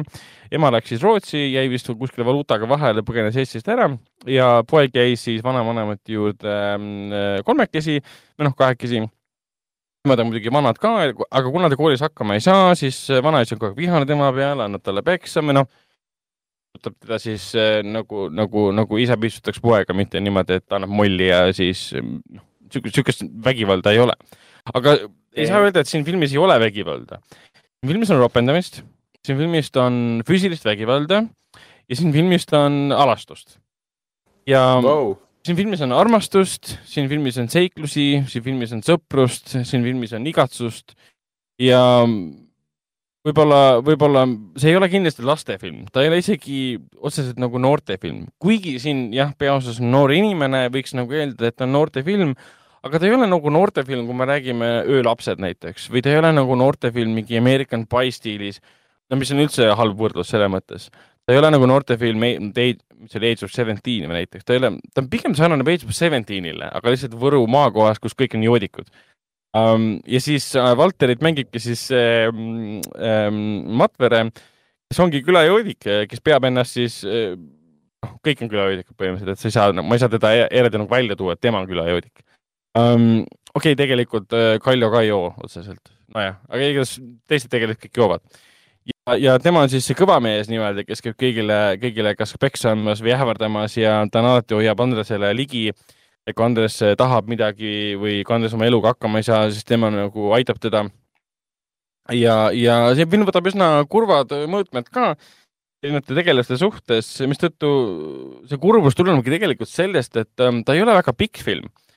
Äh, no okei okay,, ta on peaaegu kaks tundi, tund nelikümmend kuus ja, ja ta aitab sul esimene pool filmist, eh, otseselt lugu ei liigu. selles mõttes, et mida me peame nagu klassikalise loo all silmas, et me eeldame, et eh, mis on Andres, mida Andres tahab ja, ja mida, või mida ta vajab ja kuidas ta selle poole püüdleb ja kas ta saab sellega hakkama. esimene pool filmist ei tegele sellega, me näeme lihtsalt Armes, Andrese elu ja me näeme tema, tema, tema soove ja, ja tahtmisi me näeme, et ta tahab tegelikult mitte käia koolis, mitte saada vanaisa käest peksa, käia pooletoobise koljaga, lollipaberite koljaga siis eh, kalal ja Tammula järve peal ja olla oma eluga rahul. aga mida ta tegelikult vajab, on, on, eh, on tõuge. ja siin filmis on erinevad tõuked, mis aitavad tal aru saada, et ta teeb asju enda jaoks, eh, hakkab hästi õppima enda jaoks, hakkab väljapoole elama Äh, enda jaoks, hakkab enda eest seisma enda jaoks, kuna teised äh, külapoisid teda kiusavad, äh, siis Valter, Matvere roll siis õpetab talle, kuidas enda eest seista ja peksa anda ja umbes niimoodi.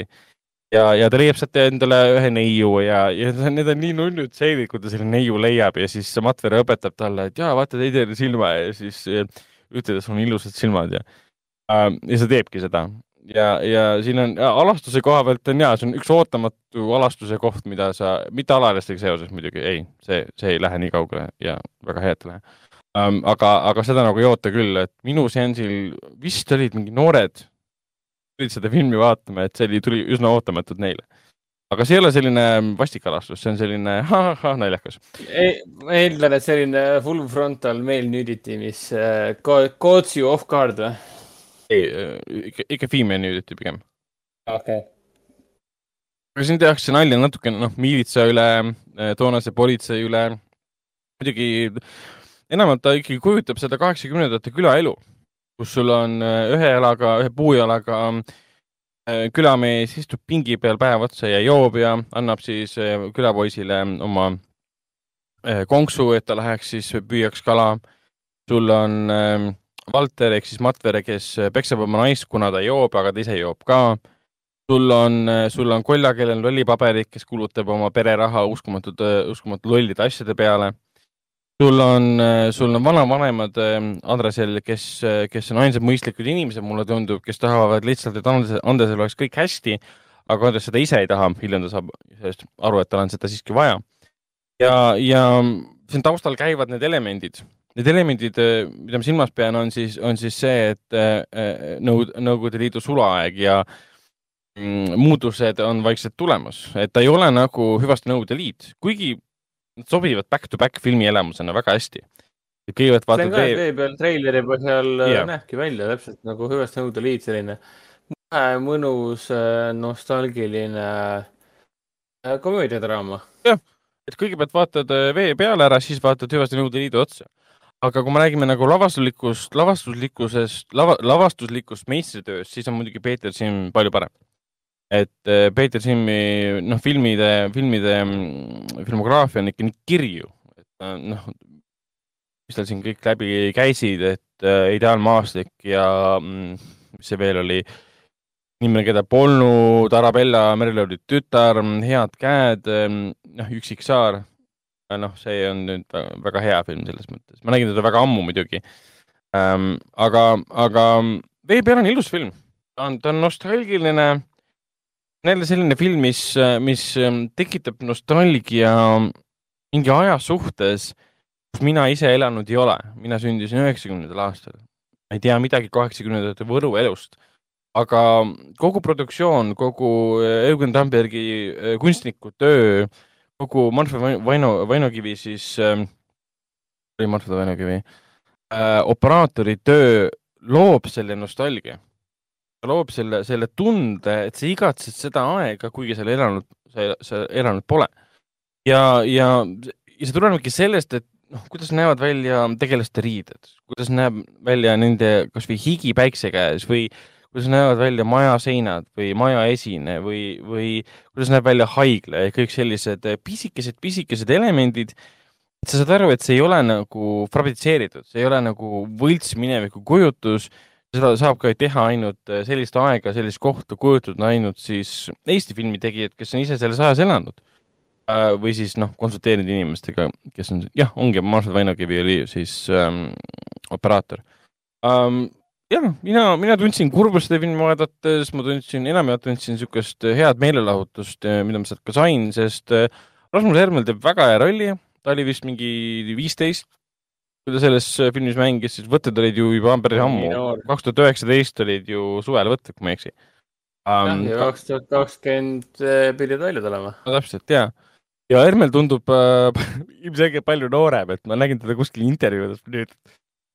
Palju suurem ja vanem inimene nüüd, ei tunne teda üldse ära, kas on see? sa oled teismeline noor näitleja või näitlejanna ja, ja, ja osaled filmis, mis võtet toimus kaks tuhat üheksateist, siis noh, jah umbes nii nagu nende Stranger Thingsi lastega. kui see õnnetu neljas hooaeg lõpuks välja tuleb, siis, siis vaatame, et wow, uh, what happened, kes need lapsed on. Need noored mehed ja naised on seda ma pean, seda ma pean küll ütlema, et see muusikakasutus selles filmis on fantastiline.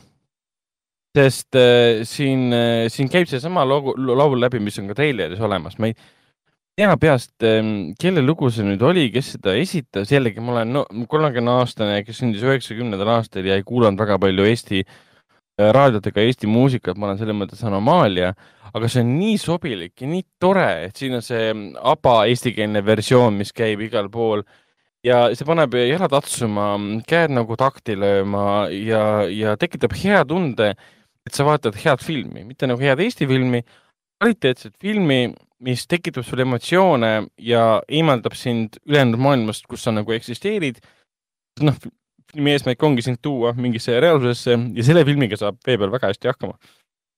viimase aja, viimase aja Eesti filmidest võib-olla võrreldes siis äh, ütleme nii, et äh, ta on parem kui Hüvaste nõude liit kindlasti äh,. mis mulle tegelikult väga meeldis, minu arust oli väga tore film, ma ei tea, miks seda nii vähe vaatamas käisiti, veidi.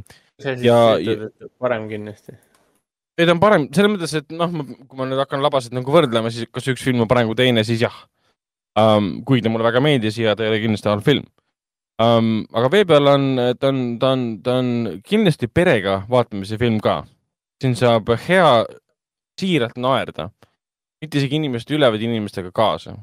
ja, ja ta on kindlasti ka vanemale põlvkonnale, vanematele inimestele, kes on selles ajas elanud, ta kindlasti midagi ei labasta, ega keegi ei arvagi, et midagi labastab, jällegi Reischer ei ole noor inimene, tegemist on Peeter Simmiga, Eesti filmi ajaloos väga olulise filmi Reischeriga, kes, kes on selle kõigega väga hästi kursis. Ja jällegi Rasmus Ermel, fantastiline. Ähm,, tal on, ta on väga fotogeeniline, ütleme nii. Peeter Simmile meeldis seda filmida väga suurtes, suurtes plaanides ilmselgelt muidugi põhjusega ka. ja jah, mis ma oskan veel öelda, et minge kinno, see on väga hea uus, uus Eesti film, on, ta on ilus, südamlik, kurb, traagiline äh, tore seiklus, äh, kus on väga palju kalal äh, käimist ja kala püüdmist, äh, mis tekitas mulle ainult isu juurde. jah, ma saan aru, et seal romaanis tegelikult ongi põhiteema kalastamine. Peeter oh. Simm olevat ise öelnud, et nad pidid seda päris kõvasti stsenaariumit, mis puudutab seda romaani, siis nagu mugandama, sest noh, kalal näid-, kalal käimist saab ainult nii palju näidata kinoekraanil enne kui see muutub, noh jah, igavaks. romaanis on see iseenesest huvitav ja põnev selles mõttes, et siin ähm, jah, ta algab, äh, algab põhimõtteliselt kalastamisega ja, ja taustal käib kogu aeg kalastamine, Kolja käib kogu aeg kalal. Ja, ja Andres alguses äh, räägib hästi palju kalastamisest, nad ja kalastamine on, on, on asi, mida nad teevad sümboolsel tasandil äh,. ja see on vajalik, sest see, see, on nagu, sa oled vee peal ja sa kontrollid seda keskkonda. et siin Kolja ütleb ka filmi lõpupoole, et maa peal on see, kus asi läheb äh, nõmedaks. aga vee peal on see, kus kõik on tore ja ilus. Et äh, sellega võtab ta päris hästi selle kokku. vot, aga liigume edasi, räägime, räägime Neil Blomkampi filmist äh, Saatanlik ehk siis Demonic, mis nüüd siis tuli, tuli, tuli Eesti kinodesse, mis on saanud universaalse bänni.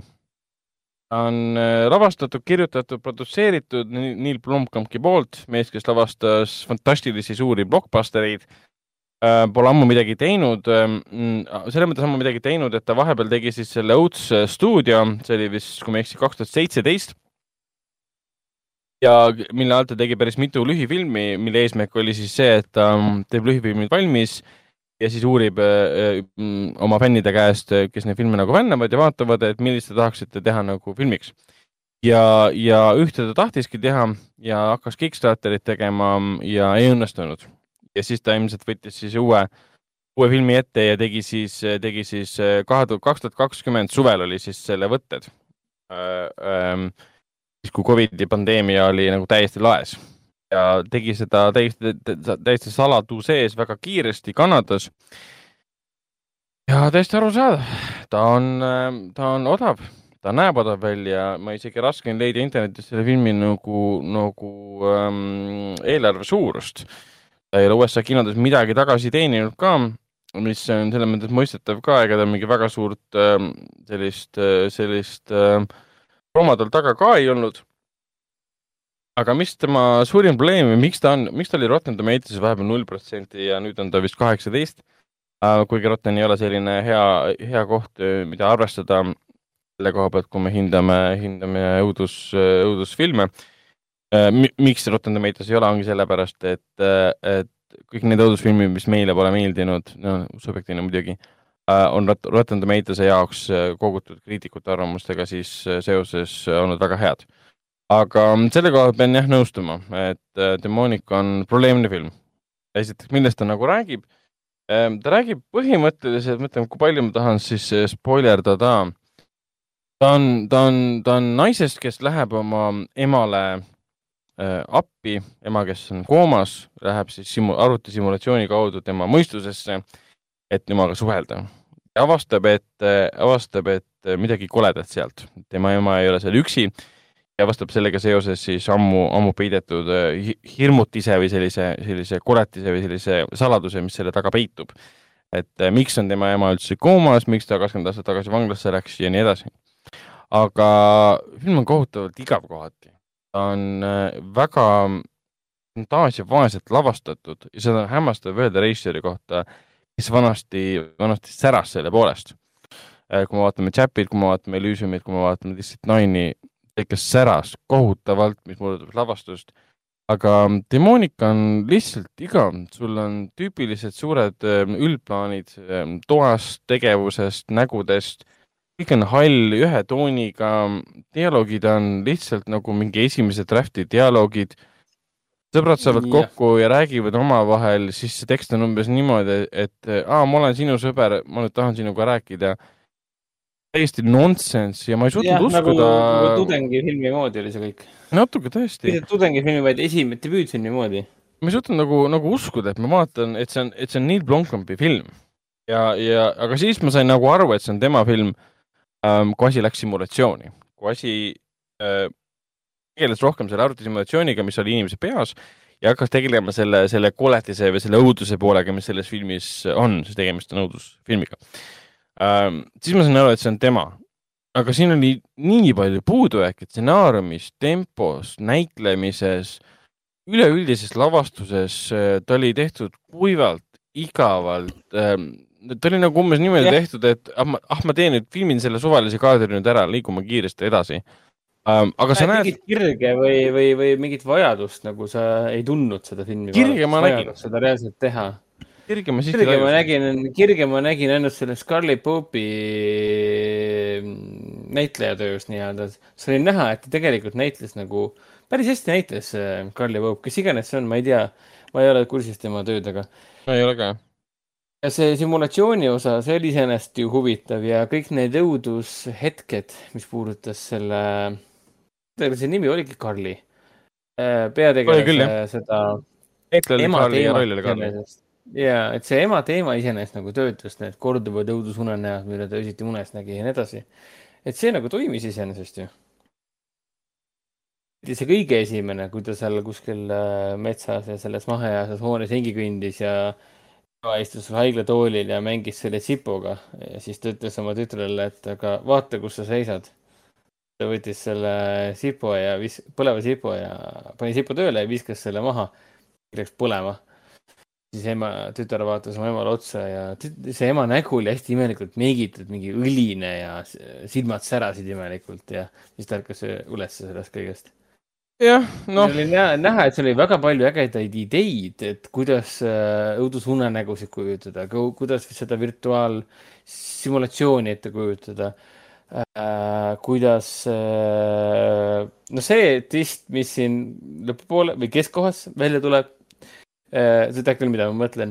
see ei olnud otseselt nagu, nagu üllatav taolise teemonisse istumise filmi puhul aga see oli päris uhke ja vägev. nii kahju, et selle teise põneva twistiga, mis noh, lisaks sellele eh, simulatsiooni teemale, sellega midagi ei tehtud. kõige rohkem häiriski see, et lisaks sellele, et kõik oli nii kuiv ja kõik nii oli nii kuidagi nagu debutant teeks filmi ja kõik oli kuidagi nii ebalev ja mitte nii üldse nii enesekindel ja nii edasi mind häiris see, et mit, miks sa need kaks väga põnevat äh, elementi nagu siia filmi sisse tood, kui sa nendega mitte midagi ei tee. see nagu häiris kõige rohkem. mingit, mitte mingit arendust ei olnud, lihtsalt. me räägime sellest filmist negatiivselt on seetõttu, et filmi režissöör on nii plunkam. muidu oleks jumala okei okay, tegelikult, ma vaataks seda HÖFFil näiteks, ütleksime selle peale, et ja, ja kuuskümmend, täitsa tubli saavutus esimese filmi kohta aga sedasama, aga kui seda lavastab ikka režissöör, kes tegi Chapi, siis sa hakkad küsima endalt, et mis juhtus. äkki tal on see Shamalama Ding-Dongi tõbi või? et korraga kaob igasugune anne ära või, või mis värk on nagu? Hollywoodis on mingisugune viirus või? noh, kuidagi peab selle selgitama. jah, et noh, ütleme nii, et ol... et kui ma seda filmi vaatasin, siis mul oli tunne, et ma, mul oleks palju parem seda vaadata, kui ma ei teaks, et see on tema film. seda esiteks. ja pärast esimest mingit kahtekümmet minutit mul oli nii igav juba, et ma lukksaalis tavaliselt ei pane oma seda, seda seljatuge täitsa alla, seekord ma panin. sest, sest lihtsalt sa vaikselt snuusid ja vaatad seda filmi, sest see oli, no see on hästi igavalt ja lollilt öeldud, et seal ei toimu midagi. aga selles mõttes, seal toimub küll palju, aga see on kõik nii ebastimuleeriv, stimuleerivalt esitatud, et sul on väga raske ennast sinna külge haakida või rakendada. alles lõpus, kui hakkavad twistid tulema, siis sa vaatad, oh, see on äge tegelikult. Äh, kui me räägime siin kirikust, ei spoilida, aga lihtsalt see kiriku teemal oli mm. nii äge. väga meeldis. see oli üllatav, et muidugi see oli ka imelikult nagu deliver itud. algul mainib üks kirikut ja siis järsku tuleb seesama asi välja, et see ongi kirik. See on nagu veider asi, sest mingisugune lisatrist oleks võinud olla ju, see umbes nii, et kuule, ma kahtlustan, et, äh, et et, äh, et see tegelikult on, ma ei tea, lambipirn. pärast tuleb välja, et kuule, aga see ongi lambipirn. saad aru, mis ma mõtlen, et siin oleks pidanud olema mingi lisatasand veel, et see oleks veel huvitavam ja üllatavam, et mitte nii, et keegi ütleb, et nii on ja pärast tuleb välja, et jaa, nii oligi. noh, natuke võtab seda pinget vähemaks nii-öelda.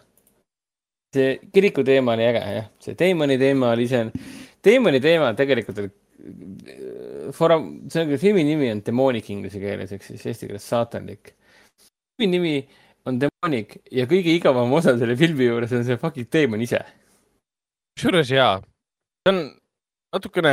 rääkimata, rääkimata selle disainist, mis arvestades Oat Studio teemat, mida Blomkamp on ajanud, oli väga suur pettumus, et miks äh, ta läks mingisse imelikku vanakooli disaini, kui ise siin on aastaid juba teinud äh, Oat Studioga huvitavaid äh, mm, katsetusi, kuidas erinevaid eriefekte ekraanile tuua. ja nagu, nagu. see on nii veider. Kui sa vaatad Oats stuudio neid klippe Youtube'is, Adam the, the Mirror ja Firebased ja Got ja kõik see, et sa näed, et siin, kui, kui andekas ta tegelikult on või kui andekalt ta rakendab teisi inimesi.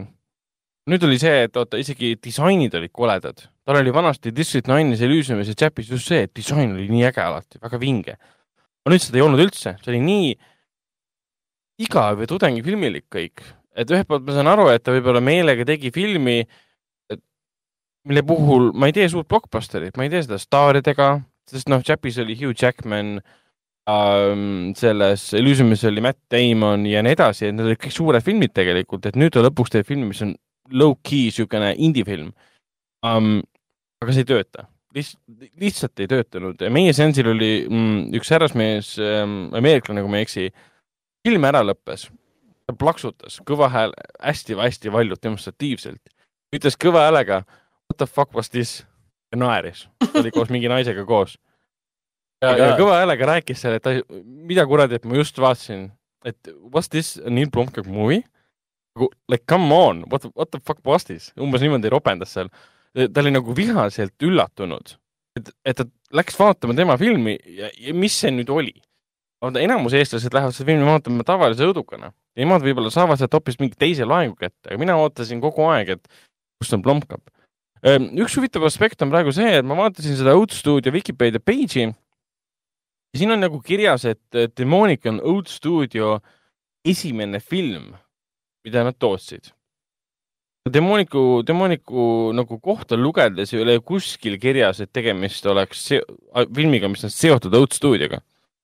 Ma üritasin nagu seda infot leida või, või tuvastada, võib-olla ta kunagi seda oli, aga tal on hoopis teised ähm, stuudiod nüüd selle filmi taga äh,, mis ei ole Studio. ma ei ole ka mitte mingit märget näinud, et see oleks kuidagi Oatsiga seotud.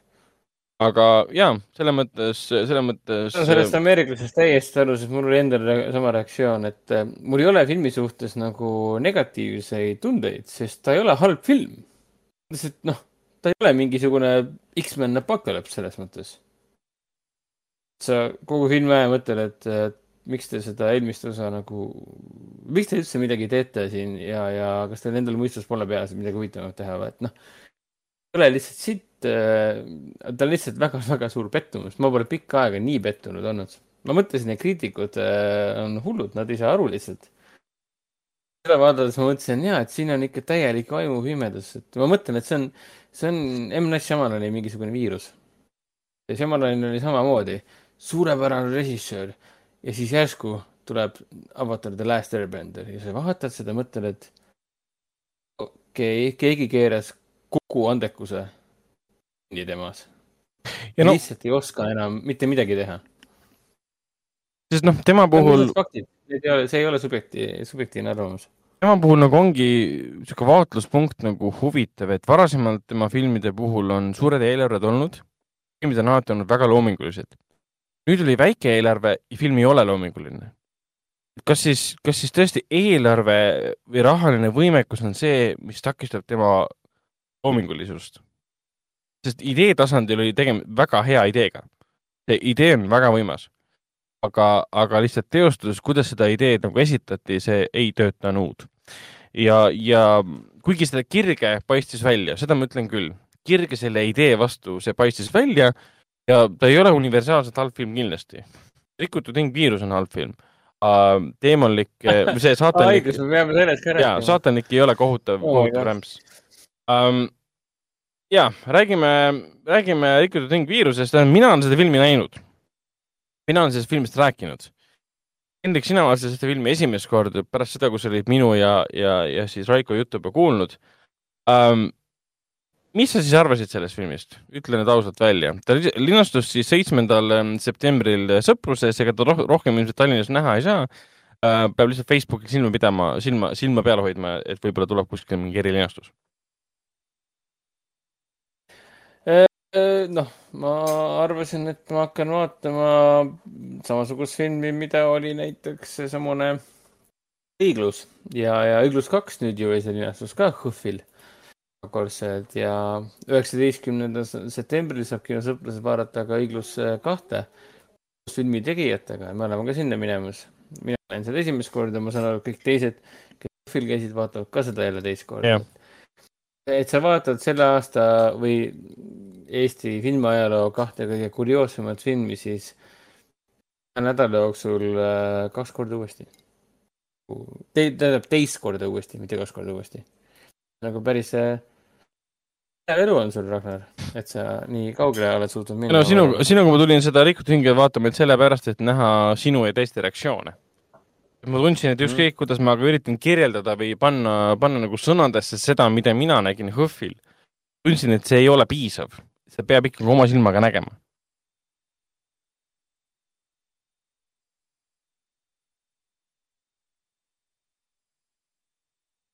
vabandust, äh, ma vaatan, et praegu on tulnud ka Õhtulehte äh, koostus Rikutud hingest ja pealkiri on mõeldud selline, et Rikutud hing viirus näitab, milline on Eesti filmide tulevik, kui riik rahakraadi kinni keerab mis on väga te temaatiline, see ava-, avaldati eile kell pool neli. see autor on Sten või? Eesti filmi autor on Sten, jah. okei, okei, selge pilt, selge pilt. meiega samal seansil, nii et võime käsi südamel öelda, et Sten kannatas samamoodi nagu meie kannatasime. praegu on ju toimumas Eesti filmi lõpp vastukampaania Äh, mille eesmärk on siis tuletada riigile meelde riigieelarvet koostades, et see pole okei okay võtta ära niigi vähene raha Eesti filmilt. ja, ja Sten tegi selle koha pealt õigesti, et jaa, õiglus, õiglus kaks ja rikutud mingi viirus on Eesti filmi tuleviku raha ära võtta. aga räägi veel, mis, mis sa filmist arvasid ja, ja kas ta vastas su ootustele, mida mina Raikoga siis sinu jaoks üles ehitasin? nüüd, et mina arvasin, et õiglus kaks on halvasti tehtud, aga aga, aga, aga õiglus kaks, mitte, kas ma ütlesin õiglus kaks või? mina arvasin, et õiglus, esimene osa, mida ma vist, sa vaatasin, ka HÖFFil või? Äh, me vaatasime seda. õiglust nägin. kodus vaatasime. vaatasime seda oma seltskonnaga koos siis seda. mina arvasin, et õiglus on halvasti tehtud. aga, aga aja jooksul, ma seda õiglust olen vist nüüd kaks korda näinud äkki mul on õiglus on väga külge kasvanud, et minu meelest see Toomas Harja on, Harja on väga sümpaatne ja väga sihuke karismaatiline tegelane, kes jääb nagu instantselt sulle meelde. ta on nagu huvitav, see, kuidas ta, tema kehakeel on äh,, kehakeel liigub mööda kinoekraani või no üldse riis on äh, ääretult nagu võluv võtab sind kaasa ja sa mõtled, et is this real life or just fantasy, et noh et minu meelest, minu meelest nad õiglusega, nad samamoodi harrastusnäitlejad, harrastusfilmi tegijad põhimõtteliselt tegid filmi koos ja nad tegid nii, nagu nad oskasid, et. Nad püüdsid küll ähm, teha, õppida teistelt, kes on ka elu jooksul väga palju indie-filme teinud, noh, see madaleelarvelisi, eelarvelisi väikeseid filme aga oli näha, et nad hirmsasti tahtsid oma asju teha ja nad tegidki ja minu meelest õiglus on nagu suurepärane näide sellest, et milline võiks olla pisike, väga halvasti, aga väga tubli film. väga halvasti tehtud, aga väga tubli film ja ma saan aru, et õiglus kaks on veel parem äh, sellel tasandil, et nad umbes nii nagu see Vakaliwood, mida me oleme ka HÖFFil näinud mm. et äh, nad ei tee sellisel tasandil, nagu tehakse noh, läänes nii-öelda, aga nad teevad enda moodi minu meelest võib ka õigluse ja õiglus kahe kohta ja Toomas Hari ja tema meeskonna kohta ja kõikide vabatahtlike kohta ja harrastusnäitlejate, harrastusfilmitegijate kohta öelda, kes selle projektiga on seotud. ka nemad on, äh, ma ei tea, teevad oma Toomas Hari ja Woodi nii-öelda. sama ma ei saa, ei saa küll öelda rikutud hing viiruse kohta, sest äh, nii, et see oli ikka halastamatu mu jaoks, et ainuüksi, ainuüksi tehniliselt see oli lihtsalt nii halastamatu ja halastamatu oli ka see, et sul ei ole isegi subtiitreid, et no filmi heli on lihtsalt nii halb. sul on lihtsalt. Puhvil oli veel hullem. ma kuulsin jah neid kuulujutte, neid kurikuulsaid kuulujutte, et, et Puhvil oli veel hullem. lihtsalt, kui sul enamik filmist on platsiheliga filmitud, vastatud platsiheli, nii et äh, tõenäoliselt otsekaamerasse on heli äh, ei ole mitte mingeid mikreid, ei mingeid poome ega midagi. Äh, ja, ja, ja sa vaatad seda kinos ja sa vaatad, kuidas kaks inimest räägivad omavahel äh, suures vanas äh, nõukogude ajast pärit ähm, mingis vanas punkris ja see kõik kajab. ja mitte muhvikaru, mida nad omavahel räägivad. ja sa kasutasid kaamera heli? kasutasid kaamera heli, kõik on platsilt kätte saadud, ei mingeid lisavahendeid ja ja kirsile tordiks muidugi või paljudele kirssidele tordiks, paljudele tortidele äh, võib vist nii öelda, on ka see, et kõik näitlejad on nii halvad. noh, välja arvatud Toomas Hari ja tema on alati hea. pluss see, kes mängis seda Jõugu ravitsejat, minu meelest oli väga sümpaatne vanamees ah,. mulle ta väga, mulle ta väga meeldis. kas ta nimi kohe meeles ära? see oli küll seal äh, tiitlites, äh, aga ma ei mäleta enam, mis ta nimi olla Heino võis. oli vist või? Heino Kalm, jaa, Heino Kalm, jah. ta on mänginud ka statistidena siin Põrgu-Jaanis näiteks ja ta mängis ka Johannes Pääsukese sellises elus, et tundub, et ta on äh, tuntud kui, tuntud kui seesamune statist nii-öelda või noh, taustanäitleja siin on äh, tähtrolle, siin on MVP-sid ehk siis kõige tähtsamad mängijad nii-öelda, need on täitsa olemas siin filmis, isegi sellises filmis. aga väga raske on sellele filmile andestada selle halastamatu voori, selle sellise energia eest, mis siin filmis vastu vaatas, et noh. lisaks sellele, et heli on täiesti, sa ei saa midagi aru, mis filmis toimub, sest sa lihtsalt ei kuule, mida tegelased omavahel räägivad, siis lisaks sellele, et näitlejad on lihtsalt niivõrd halvad. lisaks sellele, et et kõige elementaarsemad imdused, kuidas võiks filmi teha, seda siin filmis ei ole. sa vaataksid nagu, ma ei tea, veel halvemat versiooni Tapvast äh, Tartust või? Tappev Tartu on täielik Citizen Kane. ja, ja, ja, ja. et äh, Tappev Tartu on täielik Citizen Kane võrreldes äh, rikutud hing viirusega sest noh. noh, filmi story on iseenesest päris põnev ja mulle see harrastamatu äh,, kasutan seda sõna liiga palju, selline postapokalüptiline nägemus viirusest lahtunud maailmast on iseenesest väga tore. oli iseenesest tore, armastuslugu tööt-, või noh, töötab, ei saaks öelda, aga noh, toimis, võib vist nii öelda. et kõik iseenesest oli näha, et oli, lugu oli nagu südamega läbi mõeldud ja lugu taheti nagu suure südamega jutustada ka. Aga lihtsalt, kui tehniliselt on lihtsalt kõik nii praak, kõik nii saamatu ja kõik nii halastamatult kohutavalt halb siis sa ei saa sellest mitte midagi endale nagu, mitte mingit naudingut ei saa sellest filmist. lihtsalt, lihtsalt masendav oli seda kohati vaadata. ainukene, ainukesed positiivsed asjad, mida ma sellest filmist saan, ongi see, et Toomas Harja osales siin ühe, ühe, ühe jõuguliikmena ja siis äh, Heino Kalm oli siin. Toomas Harja, siis õiglus ja õiglus kaks varsti vaatama õiglus kahte ja Heino Kalm on lihtsalt väga sümpaatne vanamees, keda ma tahan rohkem näha Eesti filmides rohkem, ma lihtsalt ei suuda äh, filmi kohta midagi positiivset öelda. ainuke positiivne kindlasti see, et äh, nad nägid väga palju vaeva, väga palju vaeva selle nimel, et äh, et seda armastuslugu jutustada ja see iseenesest nagu soojendas küll minu südant. sõltumata sellest, et see tuli väga su ähm, halva äh,, halva filmi kihi vahelt läbi, et noh, keskeltläbi see, selle, selle, selle, filmiga nüüd ongi nagu see, see probleem, et ühelt poolt see ähm, režissöör ütles seansile, et ähm, kõik ütlesid talle, et sa ei oska filmi teha, sa ei saa hakkama ja ta ütles, et ähm, jah, ma sain hakkama. aga yeah. nagu, nagu mis hinnaga? kas, kas tegelikult ka hakkama said siis või? kas sa nimetaksid siis seda filmiks või? tead, ma ei küsiks seda tema käest. aga, aga seda ei saa ju filmiks tegelikult nimetada um,. sest ta ei ole seda. et ükskõik, äh, mida ütlevad kriitikud, mida ütlevad inimesed, et äh, kui ma midagi filmin, järelikult see on film, ei ole. Ma võin filmida tuvi äh, kõndimas lihtsalt ja ma ei saa seda kohe nimetada kunstiks um,. aga ma filmiksin, filmiksin ilmselt seda suvalist huvi ka paremini, kui tema tegi seda filmi um,. selle filmi juures särab läbi mingisugune ta ei ole siiras selles mõttes, et õiglus kaks ja õiglus on siiralt tehtud um,. olgugi, et halvasti. aga selle filmi puhul läheb läbi umbes see, me teame, et me ei oska, aga me teeme ikka ja me esitleme seda suure kunstina. sõpruse seansil jäi mind see häirima.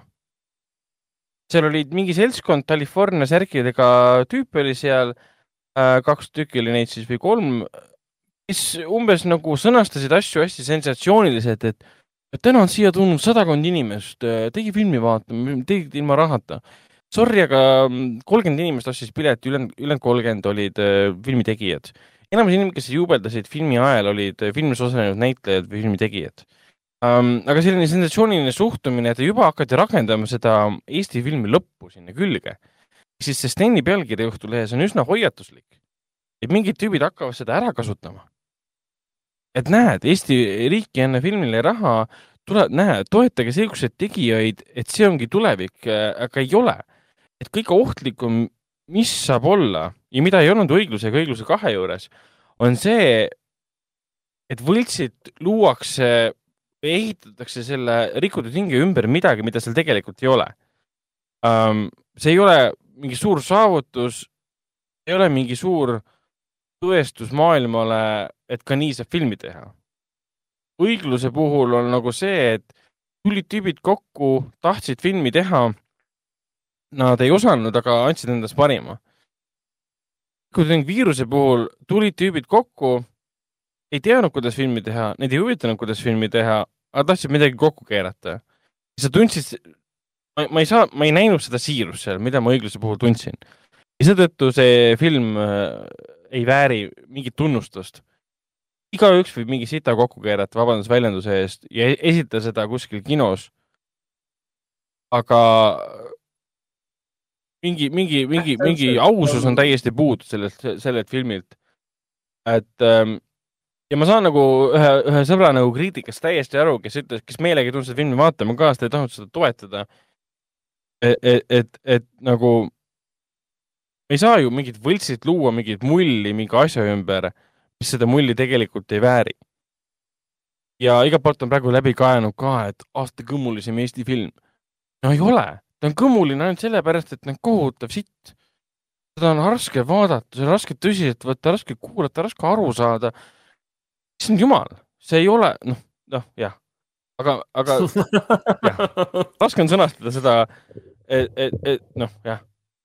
kui ma õiglust vaatasin esimest korda, ma sain sellest filmist aru, ahah, tüübid tahtsid väga filmi teha, nad armastavad filmi, aga nad ei oska teha, tegid ikka. aga, aga, aga, aga Rikutud hinge puhul ma ei saa aru. Et siin on nagu väga raske aru saada. siin kohati jääb mulje, et inimesed lihtsalt teadsid, et Google on äh, põhjatu varasalv, kust vaadata läbi Youtube'i tuhandeid videoid filmi tegemisest, aga nad seda lihtsalt ei teinud, sest nad ei viitsinud um,. sest ma olen küll filmi õppinud, aga nagu stsenaristilisel tasandil ja ma elu sees ei oskaks võib-olla lavastada filmi, aga isegi mina tean, et ma lähen Youtube'i, hakkan sealt kuulama mingisuguseid äh, minust targemaid inimesi, kes õpetavad, kuidas teha. Isegi mina teen parema filmi, kui, kui Susanna tegi oma, oma filmiga aga jah, liigume edasi. ära nüüd nii kaugele mine, sest uh, mina näiteks ei julgeks midagi sellist. ei, täpselt, ma ise ütleks sama, et ma ei, ma ei ole kunagi filmi teinud. ma olen lihtsalt neid väga, liiga palju näinud. jah, aga, aga. mina ei ütle, et mina suudaksin parema filmi teha, ei. tõenäoliselt ma teeksin elu olema siit.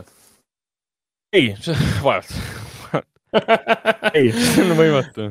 see on, see on. samas eh, isegi, isegi kui mõni Susanna fännidest või Susanna ise kuulab meid siis mina ikkagi võtan mütsi maha tema selle, sellepärast, et ta tegi filmi ära. Läks nii kaugele, et ta tegi filmi ikkagi ära, ta tegi selle täispikana ära. selle eest ma võtan mütsi maha. palju lihtsam oleks lihtsalt öelda fuck it, me ei tee seda mm,. sest ma ei oska ja mul pole aega ja mul pole raha ja ma pean suhtlema palju inimestega, et noh, keskmise eestlase probleem on ju inimestega suhtlemine.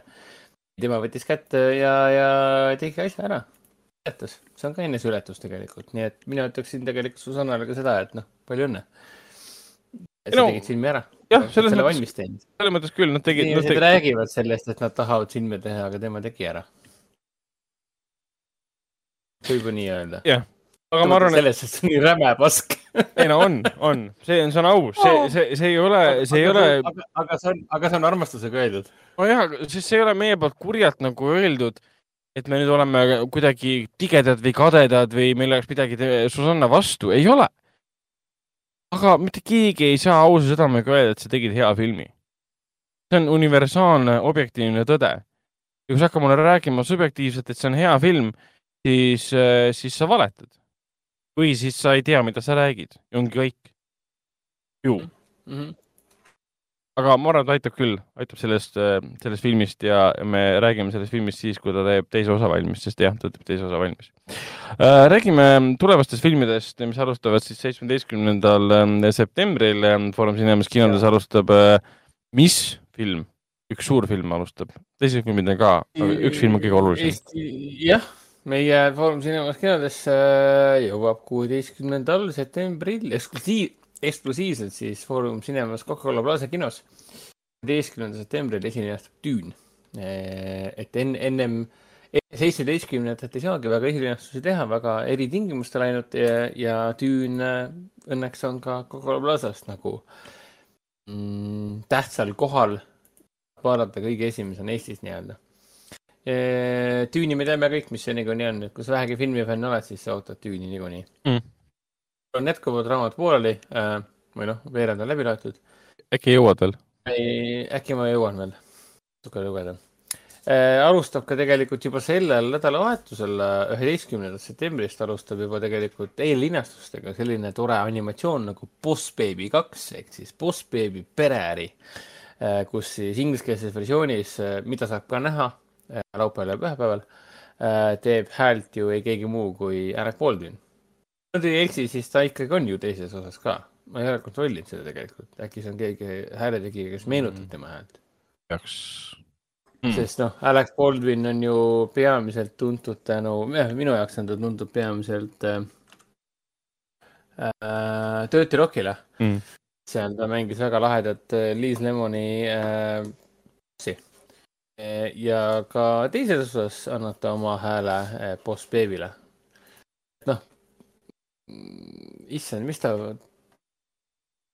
Rocki tegelase nimi oli Jack. Donahue, ei, ma ei mäleta enam. igatahes Jack ta oli. mingi huvitav perekonnanimi, ma miskipärast, ma nii fännasin seda seriaali, ma ei mäleta seda.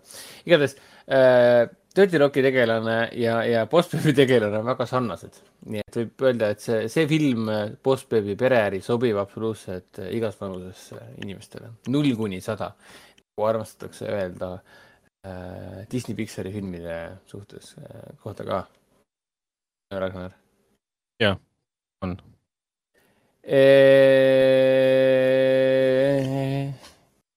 Nonii, ja siis tuleb meil kinno ka siukene minu isiklikult väga oodatud film nimega äh, Prisoners of Ghostland ehk siis Kummitusmaa vangid, mille oh, peaosas on äh, Nicolas Cage, aga minu jaoks on hoopis see oluline osa, et selle filmi režissöör on äh, Donaghy, Jack Donaghy, mul oli peaaegu meeles, mis on Alec Baldwini Dirty Rocki tegelase okay. nimi aga minu jaoks on Prisoners of äh, Ghostlandi äh, põhitõmbenumber hoopis selle filmi režissöör ehk siis Sion Sono ehk siis ta on Jaapani kultusrežissöör, kes on lavastanud sellised kuulsad filmid nagu, üks tema kuulsamaid filme on kindlasti see Suicide Club yeah.. see oli väga-väga vastuoluline ja väga jõhker selline, selline satiir ja must huumor põhimõtteliselt Jaapani ähm, tänapäeva aadressil mm. -hmm. ta on teinud ohtralt filmi, mis on ka PÖFFil olnud ja ohtralt sellised filmid, mis sa nagu vaatad ja mõtled, et see on nii fucking deep ja samas on see nii õhu, kohutavalt õudne, mis siin toimub. teine väga äge film oli ka pärast Suitsiidiklubi, Suitsiidiklubi, see Noricos Dinner Table. et minu meelest need on nagu, need ei ole järjed ju tegelikult ikkagi on, ikkagi otsene järg on jah. no Nikos Tinneteri on siis suitsiidis all ka, kurat, klubi äh, järg nii-öelda.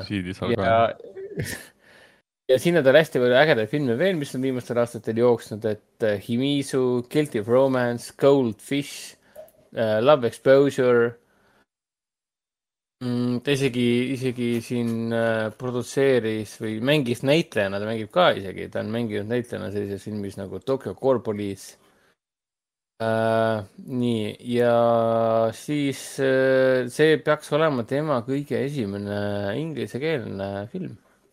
Ei ole nüüd sada protsenti kindel, et see nüüd tõele vastab. mulle tundub, et see on tema kõige esimene ingliskeelne film. tea. ja see film ise on äh, põhimõtteliselt mingisugune neonoir, western, postapokalüptiline, hullumeelne Mad Maxi stiilis sõge crazy andmine.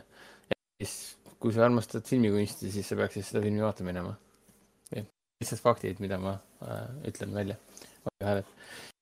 ja siis äh, meie kavva lisandus ka selline tore film nagu Petrovi klipiküsis, mis tuleb ka Artisesse, ma saan aru jah, tuleb küll Artisesse, jah.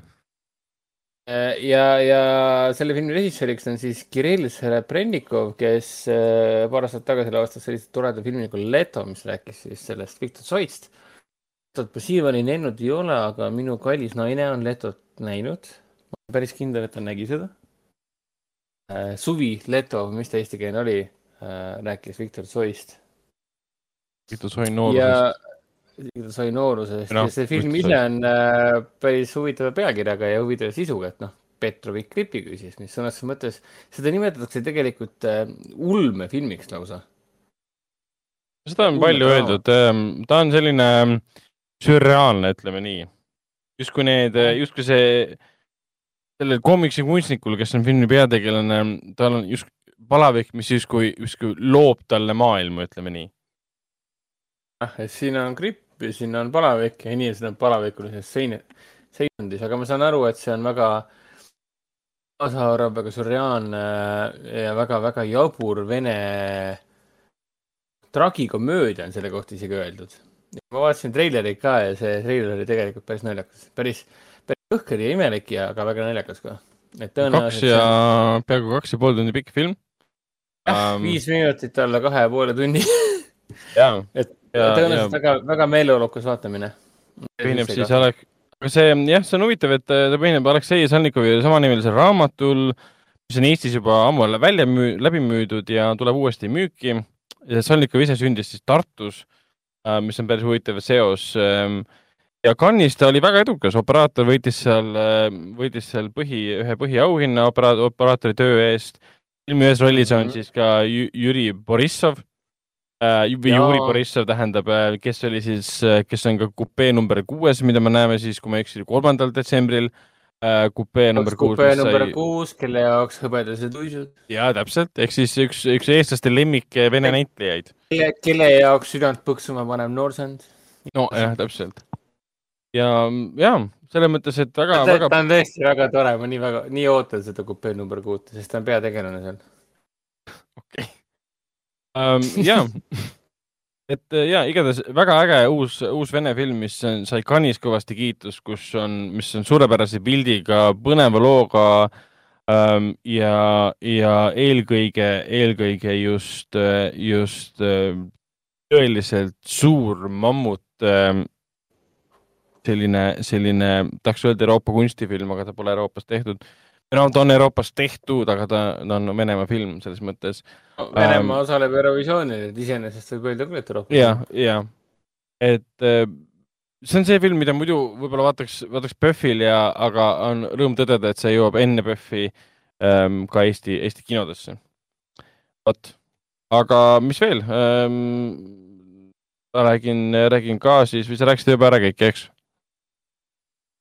Mul vist ei ole jah rohkem äh, lisada, võib-olla lisaks ainult nii palju, et see Oasis Nepford äh, tuhat üheksasada üheksakümmend kuus, üheksakümne kuuendal aastal leidis aset äh, väga suur kontsert Nepford Parkis UK-s, kus siis peaesinejaks oli Oasis. sellest arhiivmaterjalist on kokku pandud uus kontsertdokumentaalfilm, mis siis kahekümne kolmandal septembril jõuab ka Foorum Cinemas kinosse Coca-Cola Plaza tasub kindlasti vaatama tulla kõigile Oasis'e fännidele, saad väga palju uut informatsiooni ja samas saad ka osaleda ägedal kontserdil nii-öelda. Äh, ehk siis noh, kaks kärbest ühe hoobiga.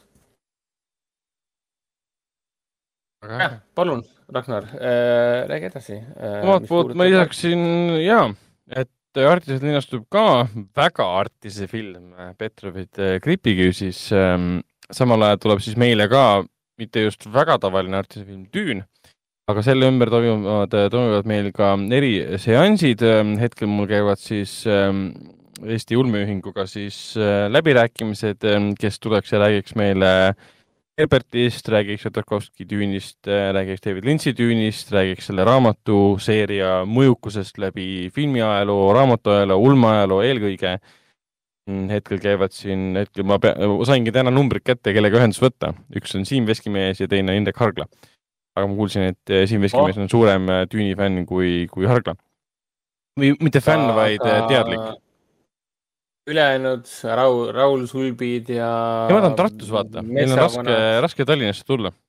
aga, aga nemad, nemad, nemad kaks, Veskimees ja siis Hargla on Eesti äh,, Tallinnast tähendab.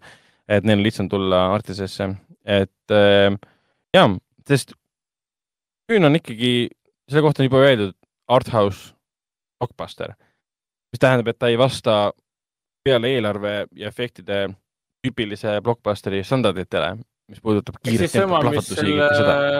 jah, ehk siis sama, mis nagu, selle filmi režissööri Danny Villeneuve eelmine film. Blade Runner kakssada nelikümmend üheksa. nelikümmend üheksa, jah. jah, jah. aga. tipaine mees on see, see, see Danny Villeneuve, ei ole midagi teha ja siis tuleb meile ka meie draama nimega DNA.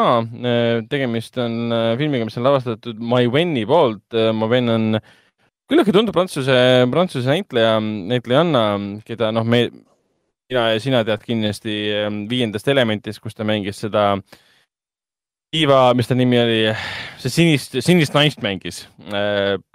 Lava Laguna oli yeah, ta nimi ja ta on paljudes filmides mänginud, ta mängis High Tensionis, Hot Tensionis Prantsuse mm, horrori uue laine siis äh, kahe tuhande kolmanda aasta filmis. Ähm, ta mängis Police'is, ta mängis, mängis Brides of Success'is, igatahes mitmed, mitmed, mitmed filmid ja tema on hakanud filme lavastama ja ta on juba päris aastast, aastast kaks tuhat neli tegelikult filme lavastanud, tal ei ole neid palju olnud viimane oli kaks tuhat viisteist Minu kuningas Monroe või siis My King Vincent Casselliga ja uus film on tal küllaltki, küllaltki teistmoodi, aga jällegi sellistest inimsuhetest ja juurtest. et meil on ähm, kolme lapse ema Neige või Neige, kes hakkab avastama oma perekonna siis minevikku ja juuri, Alžeeria minevikku ja juuri. tahab äh, tundma õppida nii-öelda oma, oma DNA-d, sellest tuleb ka filmi, äh, filmi pealkiri ja filmi ühes peaosas on ähm, Anni Ardant ja teises, teises, teistes rollides näeme näiteks ka Louis Garelli. Louis Garell on väga-väga mitmes prantsuse, tuntud prantsuse filmis mänginud ka. üks nendest filmidest, mis selle Prantsuse oma, oli vist Viljandi kogukonna kinos ka tulemas, kui ma ei eksi. Ma ei mäleta, mis selle filmi nimi oli, ma lihtsalt vihjamisi, vilksamisi nägin seda sinu, sinu selles kino, kino tutvustuses ei mäleta, mis film see oli, aga Louis Carell oli seal ühes osas, et noh, ta mängis näiteks ähm, väikse, väikestes naistes, Little Women, see kõige uuem versioon uh,. Story of my wife, mida ma nägin Cannes'is näiteks Dan Rifkini festivalis ka näiteks um,. Kus me teda veel näinud oleme um,? Officer and the Spy, Polanski filmis ta mängis uh,, Eternity's Gate oli näiteks ah,. ei, ma tean küll, keda sa mõtled, jaa. jaa, jaa et tal ikka. Viljandi kogukonna kino uutes filmide hulgas ei ole ju teda. ma vist ajasin segamini siis, et ta vist ei mänginud seal. aga mulle meenus hoopis see, et te näitate Gabriel. ta mängib Rifkini, Rifkini festivali filmis, mis läks detsembrisse. ja, ja. aa, okei, okei, okei, no siis küll. aga, aga, aga jah et eh, noh, fännid alati teavad kõik, et meil oli see mm, Belle Epoque mm, eh, eelmisel aastal tohutu, eelmise aasta, üle-eelmise aasta lõpu, uue aasta alguses, siis mm, kaks tuhat kakskümmend alguses väga-väga eh, edukas, mis oli kaunimad ajad, oli ilusamad ajad ähm,. meil on palju filme olnud. kaunimad. kaunimad ajad. ühed on kaunimad aastad, parimad aastad me elus, kaunimad ajad me elus. Pealkirjad lähevad juba üsna, üsna segamini. Ja, jah et meil ongi siis, äh, ongi siis DNA, on äh, Petrovi gripiküüsis ja, ja on tüün. ja lisaks võib etteulatuvalt öelda, et ähm, Julia, Julia Tukunau ah,, hävitan seda perekonnanime, prantsuse, prantsuse reisijal igatahes, äh, kes lavastas selle Toores loo ähm, sama siis äh, Cannes'i film, äh, millega ta võitis, äh, võitis siis peaauhinna. kuidas? Prix võitis. jah, Grand Prix võitis ehk siis peaauhinna ähm,. Titan ehk siis Titan ähm,. tõenäoliselt tuleb. Sorry, ma ajasin sassi, ta võitis Palm d'Ori. jah, ta on Palm d'Or jah ehk siis sellest oli väga ootamatu võitja temast ikkagi räägiti vähe festivali jooksul, aga kui ta osutus võitjaks, siis oli päris suur üllatus. Um,. igatahes see on väga veider film, see on uskumatult veider film, ma sain kohe varsti screener'i ka kätte. Um,. aga ja väidetavalt uh, nüüd ta peaks oktoobris tulema uh,, oktoobri lõpupoole. Um,, loodetavasti tuleb siis ka uh, kinoartis ja võib-olla, võib-olla siis ka teiste, teistesse kino, kinodesse ja Düüni erisõnum. ei, kõik on võimalik, kõik on võimalik. ja, ja. et äh,, ja, et äh, oktoobris tuleb, detsembris tuleb palju head ähm, filme, jagub, filme tuleb ainult juurde, juurde, juurde ähm,. Düüni erisõnumist ma rääkisin, oktoobris saab näha. lammas tuleb, lammas tuleb ka ju. jaa, lammas tuleb ka. lammas on siis Noomi Rapace lammas. Pole saladus, okei okay ei, see ei ole saladus um,. ja siis um,, siis um, ma mainin nii palju ära ka, et meil on Jürgi Instinct ehk siis Basic Instinct ehk siis Paul Verhoeveni, kellest me rääkisime saate alguses seoses, seoses Starship Troopersiga tema, tema film üheksakümnendatest Sharon Stone'i ja Michael Douglasega on meil tulemas Eh, uusim 4K versioon, mis nüüd mõned kuud tagasi eh, välja anti. tegemist on siis kõige uuema, kaunima ja terevama pildiga versiooniga, restaureeritud versioon kunagisest eh, kolmkümmend, kolmekümne viie millimeetrisest versioonist. ja see tuleb meil näitamisele kaheksandal oktoobril. ja siis juba siin tegelikult septembris tuleb Paul Verhoeveni uusim film Benedetta äh,. väga, väga provokatiivne film igas iga, igases võimalikus võtmes. ja meil saab, meil saab filmi. meil ka Foorum Cinemas kinodes linastub Benedetta. ja täpselt nii aga mainin veel juurde ka, et äh, ja, et meil noh, kinoartist saab, kinos artist saab ka suures saalis 4K filme vaadata ja, ja et see pole ainult suurte kinode privileeg. et meil ähm, suures saalis on 4K projektoor ja, ja te näete ka Basic Instincti seda 4K kõige puhtamat, ilusamat, võimsamat versiooni. Selles kõige. sa mõtled seda mis asja? sa mõtled, sa mõtled seda ühte kindlat seeni, just selleks on vaja 4K versiooni ja 4K projektoorit. võtad kõik ilusa ja labastad selle ära. aga ja, selles mõttes ja, see, see on see, mille poolest see on kuulus. vot, aga Benedetta, see saab olema huvitav, ma tahan näha Eesti rahva reageeringut ähm, filmile, kus kasutatakse äh, kuna ta räägib Lesmi nunnast, ähm, siis, äh, siis äh, kus kasutatakse Neitsi Maarja kuju teatud eesmärgil, ülejäänud lõi, lõigud või tühimikud täitke ise, see ei ole nii keeruline. jah, arvestades seda, et film äh, põhineb ju, stsenaarium põhineb Judith C. Browni raamatul ebadiskreetsed loo, teod ehk siis lesbinunna elu Itaalias renessansi ajastul. minu meelest see ütleb kõik, et mille põhjal see film tehtud on lesbi, sama hästi võiks panna Benedetta äh, jutumärgid äh, lesbinunna seiklused. et äh, arvata on, et Paul Verhoeven äh, lustib seda, lustis seda filmi tehes kõvasti. oo oh jah, oo oh jah aga mm, nii palju saame veel mainida, et siin vahepeal lahkus meie hulgast ähm, Mr Cool isiklikult ähm, Jean-Paul Belmondo ähm,, keda enamus maailmas teavad ähm, arvan, siis Breathlessis eesti keeles siis hingetust ähm, või siis ma ei teagi, Man from Riost või siis Bill LeFau'st ähm,. tema auks on meil oktoobris äh, plaanis neli Mondo filmi äh,. esialgu võin öelda, et nendeks ongi siis Pierre LeFau, Godardi film, De Broca film The Man from Rio, Melville'i film äh, Leon Morin Priest ja Toulouse film The Fingerman et need on kõik veel hetkel välja kuulutamata erinevatel, erinevatel asjaoludel. aga, aga kuna ma kindlasti tahan seda ka teha, siis see ka tuleb. Äh, kahjuks varem ei saa, et päris nii see ei ole, et ähm, tuntud prantsuse näitleja sureb või noh, lahkub, lahkub meie hulgast ja siis päevapealt äh, järgmisel päeval, et oo oh, näe, filmid on kinos. Äh, see, see ei käi niimoodi, see, see. sääst sulle retrospektiivi, keegi jälle suri noh oh,. nii pole et see, see ei ole nii lihtne nagu, et äh,, nagu, et äh, jah, võtan kuskilt filmi ja panen kinno, et äh, siin on ikka palju-palju asju, mida teha. ei, ei ole muidugi. mina, meie võime siin filme välja valida, oh, tahaks seda kino, kinos näidata, siis hakkad uurima, kuidas seda kinos näidata ja siis sulle põhimõtteliselt öeldakse, et äh, jah, hoia oma mõtted iseendale, et sul, sul ei ole nende mõtetega midagi peale hakata. ei saa, siis ei saa aga noh, õnneks tänapäeval on see, et eh, mida vanem film, seda tõenäolisemalt ka kätte saab. jah, vot aga ongi. siis me võime eh, rääkida ju sellest kõige tähtsamast, kõige erakordsemast, kõige ilusamast ja kõige võimustavast asjast maailmas. Matrix.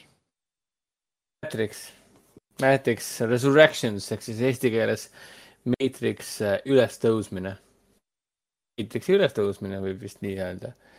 eile tuli eile välja, oli vist eile, oli küll eile yeah.? Äh, eile oli üheksas, üheksas september. üheksas september või? eks siis juba, me ei ole oktoobris on ju. ei, äh, endiselt on september. september oli eile ja, ja tuli treiler välja, mis kestis peaaegu kolm minutit äh,. ootasime siin üheskoos seda Warner Brothersi Youtube'i kanalis selle countdown clock'i ehk siis jõuda selle, selle hetkeni. lõpuks esilinastub nii-öelda. ja tulemus oli muidugi väga huvitav. ma täna, täna kinos ka läksin hommikul tööle ja, ja üheskoos istusime, istusime maha ja vaatasime iSense saalis siis ka värskelt kinode jaoks äh, filmi levitaja poolt äh, saadetud treilerit no te olete ju eriti kiired poisid. selle koha pealt, et ma läksin saatanlikku vaatama ja me natukene hilinesime, mitte hilinenud, aga me treilerit ajal ei läinud sisse. ja läksime siis äh, viim, mingi viimase, veel viimase treileri aja sisse ja siis äh, näeme, et Matrix ülestõusmine, treiler lõpeb. ma oleks tahtnud seda suure ekraanil näha, et see isegi ei hoiatanud mind um,. et see oli väga ootamatu. et aitäh sulle selle eest. ongi ootamatu. Lisaks sellele, et elu on seiklus, on elu ka ootamatu. aga, aga viimane Matrixi film, viimased Matrixi filmid tegelikult tulid samal aastal välja, aastal kaks tuhat kolm. see on kaheksateist aastat tagasi oli kaheksateist aastat tagasi. Uh, me käisime sinuga neid äh, teist ja kolmandat osa, kõik teavad, et esimene osa on väga hea uh,. teist ja kolmandat osa me käisime ühe korra või mitu korda kinos vaatamas toona. Käisime siin hiljuti. ei saa sellest aru, et teine ja kolmas on, lähevad aina paremaks. et kogu seeria läks järjest paremaks ja huvitavamaks ja põnevamaks. ja millal see nüüd oli, kinoklassika raames, Foorum Cinemas kinos näitasid kõiki kolme filmi? täpselt see oli äh, enne koroonat, kui me nüüd enne koroonat, jah. me käisime sinuga koos vaatamas ja nautisime igat võimalikku minutit. kuni selle hetkeni. millal koroona algas? kaks tuhat kakskümmend. Äh, kevadel. kevadel, jah. Ja nautisime neid. ehk äh, siis oli, oli, see oli vahetult pärast esimese laine lõppu, siis kui kinod taas avati, siis Matrixi abiga äh, noh, aitasime kaasa põhimõtteliselt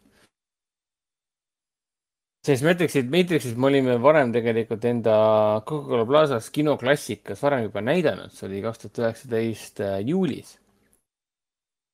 aga, aga kuna vahepeal tuli koroona vahele ja siis äh, ajad vajavad meeleheitlikke äh, abinõusid, siis, siis äh, võtsime mängu sellise toreda asja nagu suveklassika ja näitasime kolm filmi ära. me käinud minuga vaatamas seda mina sain äh, taaskord seal kaks tuhat kakskümmend aasta suvel kinnituse, et Matrix Reloaded ja Matrix Revolutions on täpselt samaolulised filmid kui esimene osa. Et, et, et ma olen valmis kaitsma, nagu ma podcast'i alguses ütlesin, et ma olen kaits-, valmis kaitsma teist ja kolmandat, eriti just kolmandat osa äh, oma, oma hinnaga äh,. ma ei saa aru, miks inim-, inimesed, inimesed neid filme ei salli. ja ma saan aru, ma saan aru, miks inimesed ei salli neid, sest ähm, esimese osa põhjal eeldati midagi, mida teine ja kolmas osa ei saanud pakkuda. teist ja kolmandat osa filmiti samaaegselt. Ja nad läksid palju suuremaks, võimsamaks, kui oli esimene osa. võimsamaks ja suuremaks ma pean silmas action'it ja, ja CG-d ja koreograafiat ja kõike muud. küsimused ja teemad läksid aina laiemaks ja laiemaks ja laiemaks ja inimestele see väga ei meeldinud, sest ta muutus, muutus justkui tüüpiliseks maailma päästmise filmiks, ta muutus tüüpiliseks ähm, selliseks ähm, võitluse filmiks, võitleme robotitega, inimesed äh, versus, enne olid nagu ideed kõige tähtsamal kohal, nüüd olid nagu tegevused ja action kõige tähtsamal kohal, aga minu arust need endiselt unikaalsed filmid, miks ma muidu ostsin endale 4K UHD ja mis ma muidu käisin sinuga vaatamas enne koroonat uuesti teda, sest täiesti unikaalsed, ma mäletan, kui Revolutions kinos lõppes nüüd uuesti vaadata ees ja lõpus tuleb see navra, navras peale, hakkab peale oh,. ma ei tea, ma tundsin. Don saali... Davis'i soundtrack on lihtsalt nii hea asi. Ma tundsin nagu saalis, et inimesed olid täiesti sillas, et lihtsalt see on, see on siiamaani. see suur, suur kahevõitlus äh,, Sion versus äh, masinad, see on lihtsalt kõik nii, minu meelest nii mind-blowing. eriti just see, et see kõik läheb nii kristlikuks ära, see The One ja see ettekuulutus ja üks ja ainus ja kõik siuksed asjad mm. et no, ma ei saa aru, what's, what's there not to like nii-öelda. miks peaks, ma, ma olen ka märganud, inimesed ütlevad kogu aeg teise ja kolmanda osa kohta seda, et nad justkui mäletavad ainult teisest eh, seda, kuidas seal olid need mm, albiino kaksikud mm,, nende mis see, mingi eriti ägeda, ägeda soenguga nii-öelda. Mm.. ja siis oli see suur ähm, kiirtee tagaajamine. Yeah..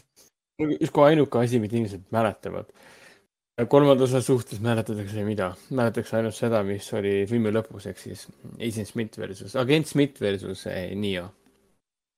noh, vasta tõele, sorry. minu, minu soovitus inimestele, kes vihkavad teist ja kolmandat osa on see, et äkki sa vaatad neid uuesti või see ei ole argument, kui sa viimati tegid neid aastal kaks tuhat kolm ja sulle ei meeldinud.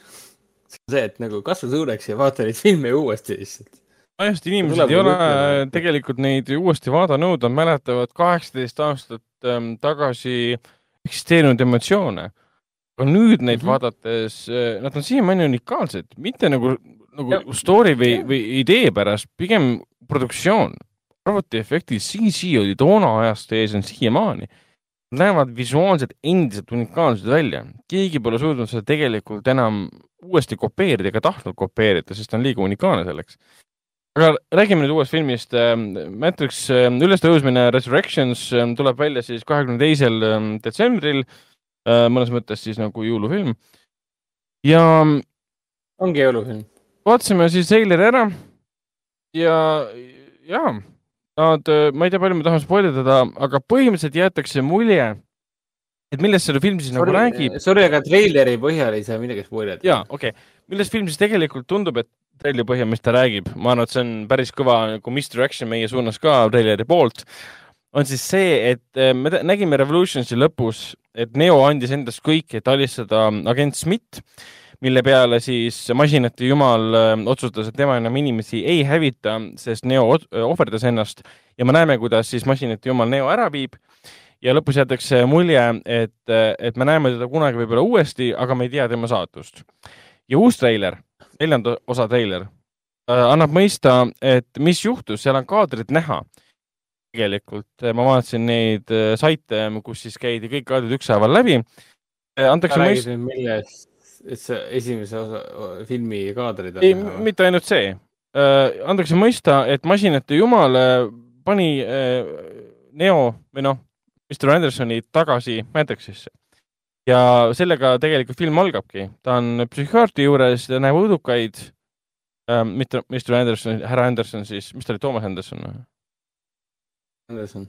jah ehm, et ta näeb õudukaid eh, ja ta on tagasi pandud Matrixisse, ta on tagasi pandud virtuaalreaalsusesse, kus ta siis nüüd elab ja tunneb, et midagi on valesti temas maailmas, tema maailmas. Siis... Äh, selle treileri põhjal ta lülitati tagasi sisse ja ta topitakse täis äh, siniseid tablette, et ta jumala eest midagi ei mäletaks. tundub olevat selle uue filmi loogika. siin on ka kõik teised tegelased, siin on Trinity, siin on äh, Morpheus, kes miskipärast on tea, mingi viis aastat noorem kui see, kes ta muidu oli siin ilmselt ütlevad, et ilmselt ütlevad, et seesamune, et on noor Morpheus, keda see Yahya Abdul Martin, keeruline nimi, teine mängib, aga minu meelest Lawrence Fishburne praegu vist kuuekümne aastane mm..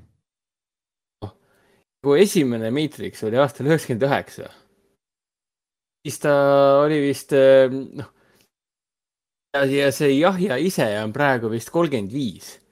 Nende vanused on väga-väga sarnased, üks oli siis mingi kolmkümmend üheksa ja teine on kolmkümmend viis. kui sa ütled, et äh, Jahja Abdeen mängib noort, kõik need artiklid, kes ütlevad, et ta mängib noort äh, Morpheus, siis see on tegelikult bullshit. see on lihtsalt recasting tegelikult antud hetkel ja me ei tea, miks Uh, mina isiklikult ei tea, miks Lawrence Fishburne ei naa-, ei, ei naasenud. Fishburne on ise öelnud intervjuudes, et tema poole ei pöördutud. Aga ma arvan, et tema poole ei pöördutud sellepärast, et Lana Vaskovski, kes on üks režissööridest, kuna äh, äh, Lili Vakovski ei naase, ainult üks õdedest siis nüüd, äh, nüüd äh, lavastab, vanasti olid siis mõlemad vennad lavastasid ja nüüd siis ainult üks õde lavastab äh, nendest äh, mis äh, tegelikult tähendab seda, et tal on mingi uus lugu jutustada, mis ei nõuagi Lawrence Fishburne'i, see ei nõuagi, et kõik vanad karakterid naasevad, kuigi ma saan fännide meelehärmist justkui aru, et sa tood tagasi Keanu Reavesi, sa tood tagasi Carrie-Anne Mossi, aga miks sa ei too siis kogu põhituumikut ehk siis Lawrence Fishburne'i? eks see selgitaks ära. no eks siin ma arvan, tuleb ka teemaks see, et äh, see on nagu, nagu Red Letter Media on alati öelnud, et noh, või noh, tegi kuulsaks selle lause, seesamune äh,, mis see nüüd oligi, soft C-boot ehk siis ta on nagu remake, ta on reboot ja ta on äh,, mis see kolmas variant nüüd oli? ah, sequel, reboot, remake ja sequel, põhimõtteliselt on mõlemad, kõiki kolm erinevat varianti korraga, ma eeldan, midagi sellist siis äh, see on nagu mitte Matrix Resurrections, vaid Matrix Rebooted, Matrix Resetted ja nii edasi. midagi sellist põhimõtteliselt. sellist plotti me oleme ka varem näinud tegelikult, me oleme seda näinud nii Losti viimastes hooaegades, kui ka mina nägin seda hiljuti siin selles äh, Good Place'is, mis Netflixis on selle mm. Kristen Belliga. no selles ei ole midagi uut tõesti.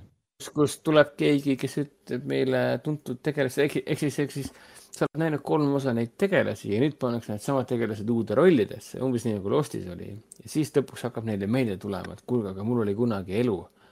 olin seal kangelane mm., ma olin saarel. Sama asja tehti isegi. meelde, kes ma olin.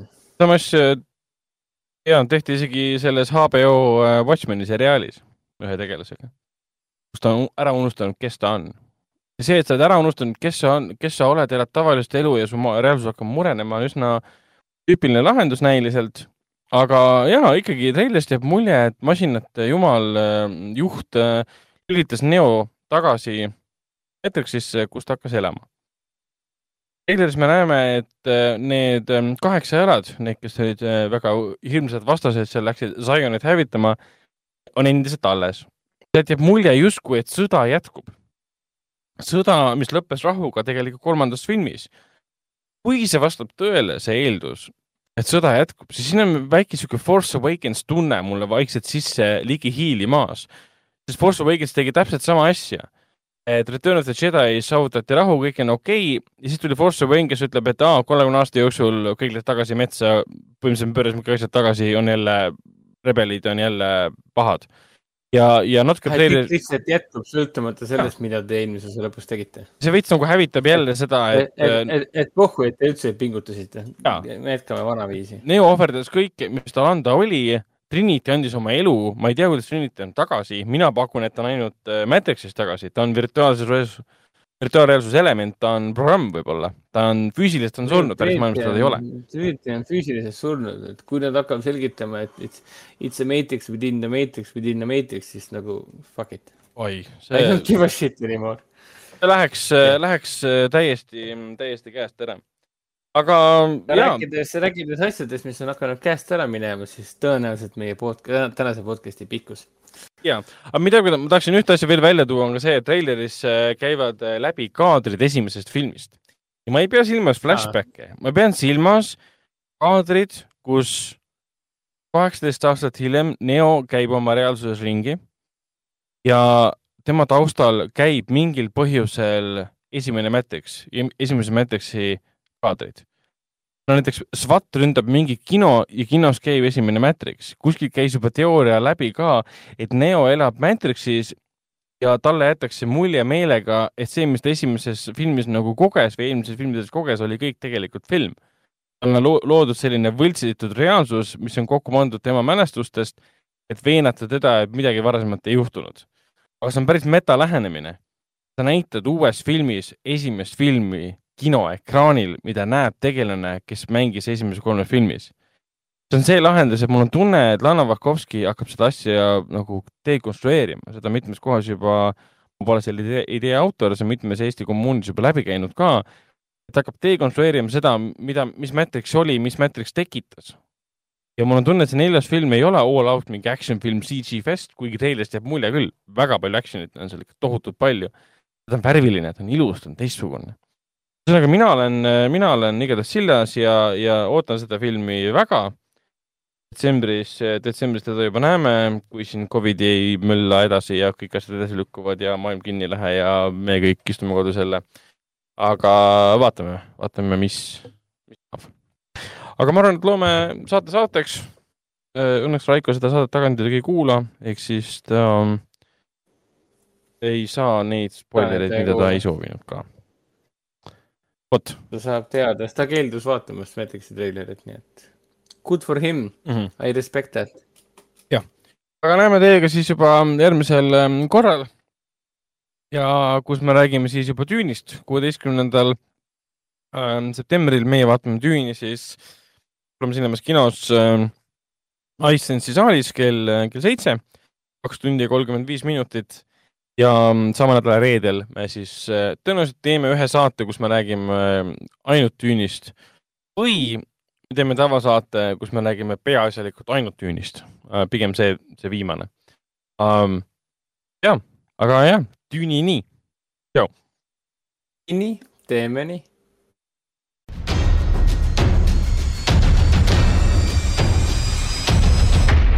kinoveebi Jututuba podcasti toob teieni Foorum Cinemas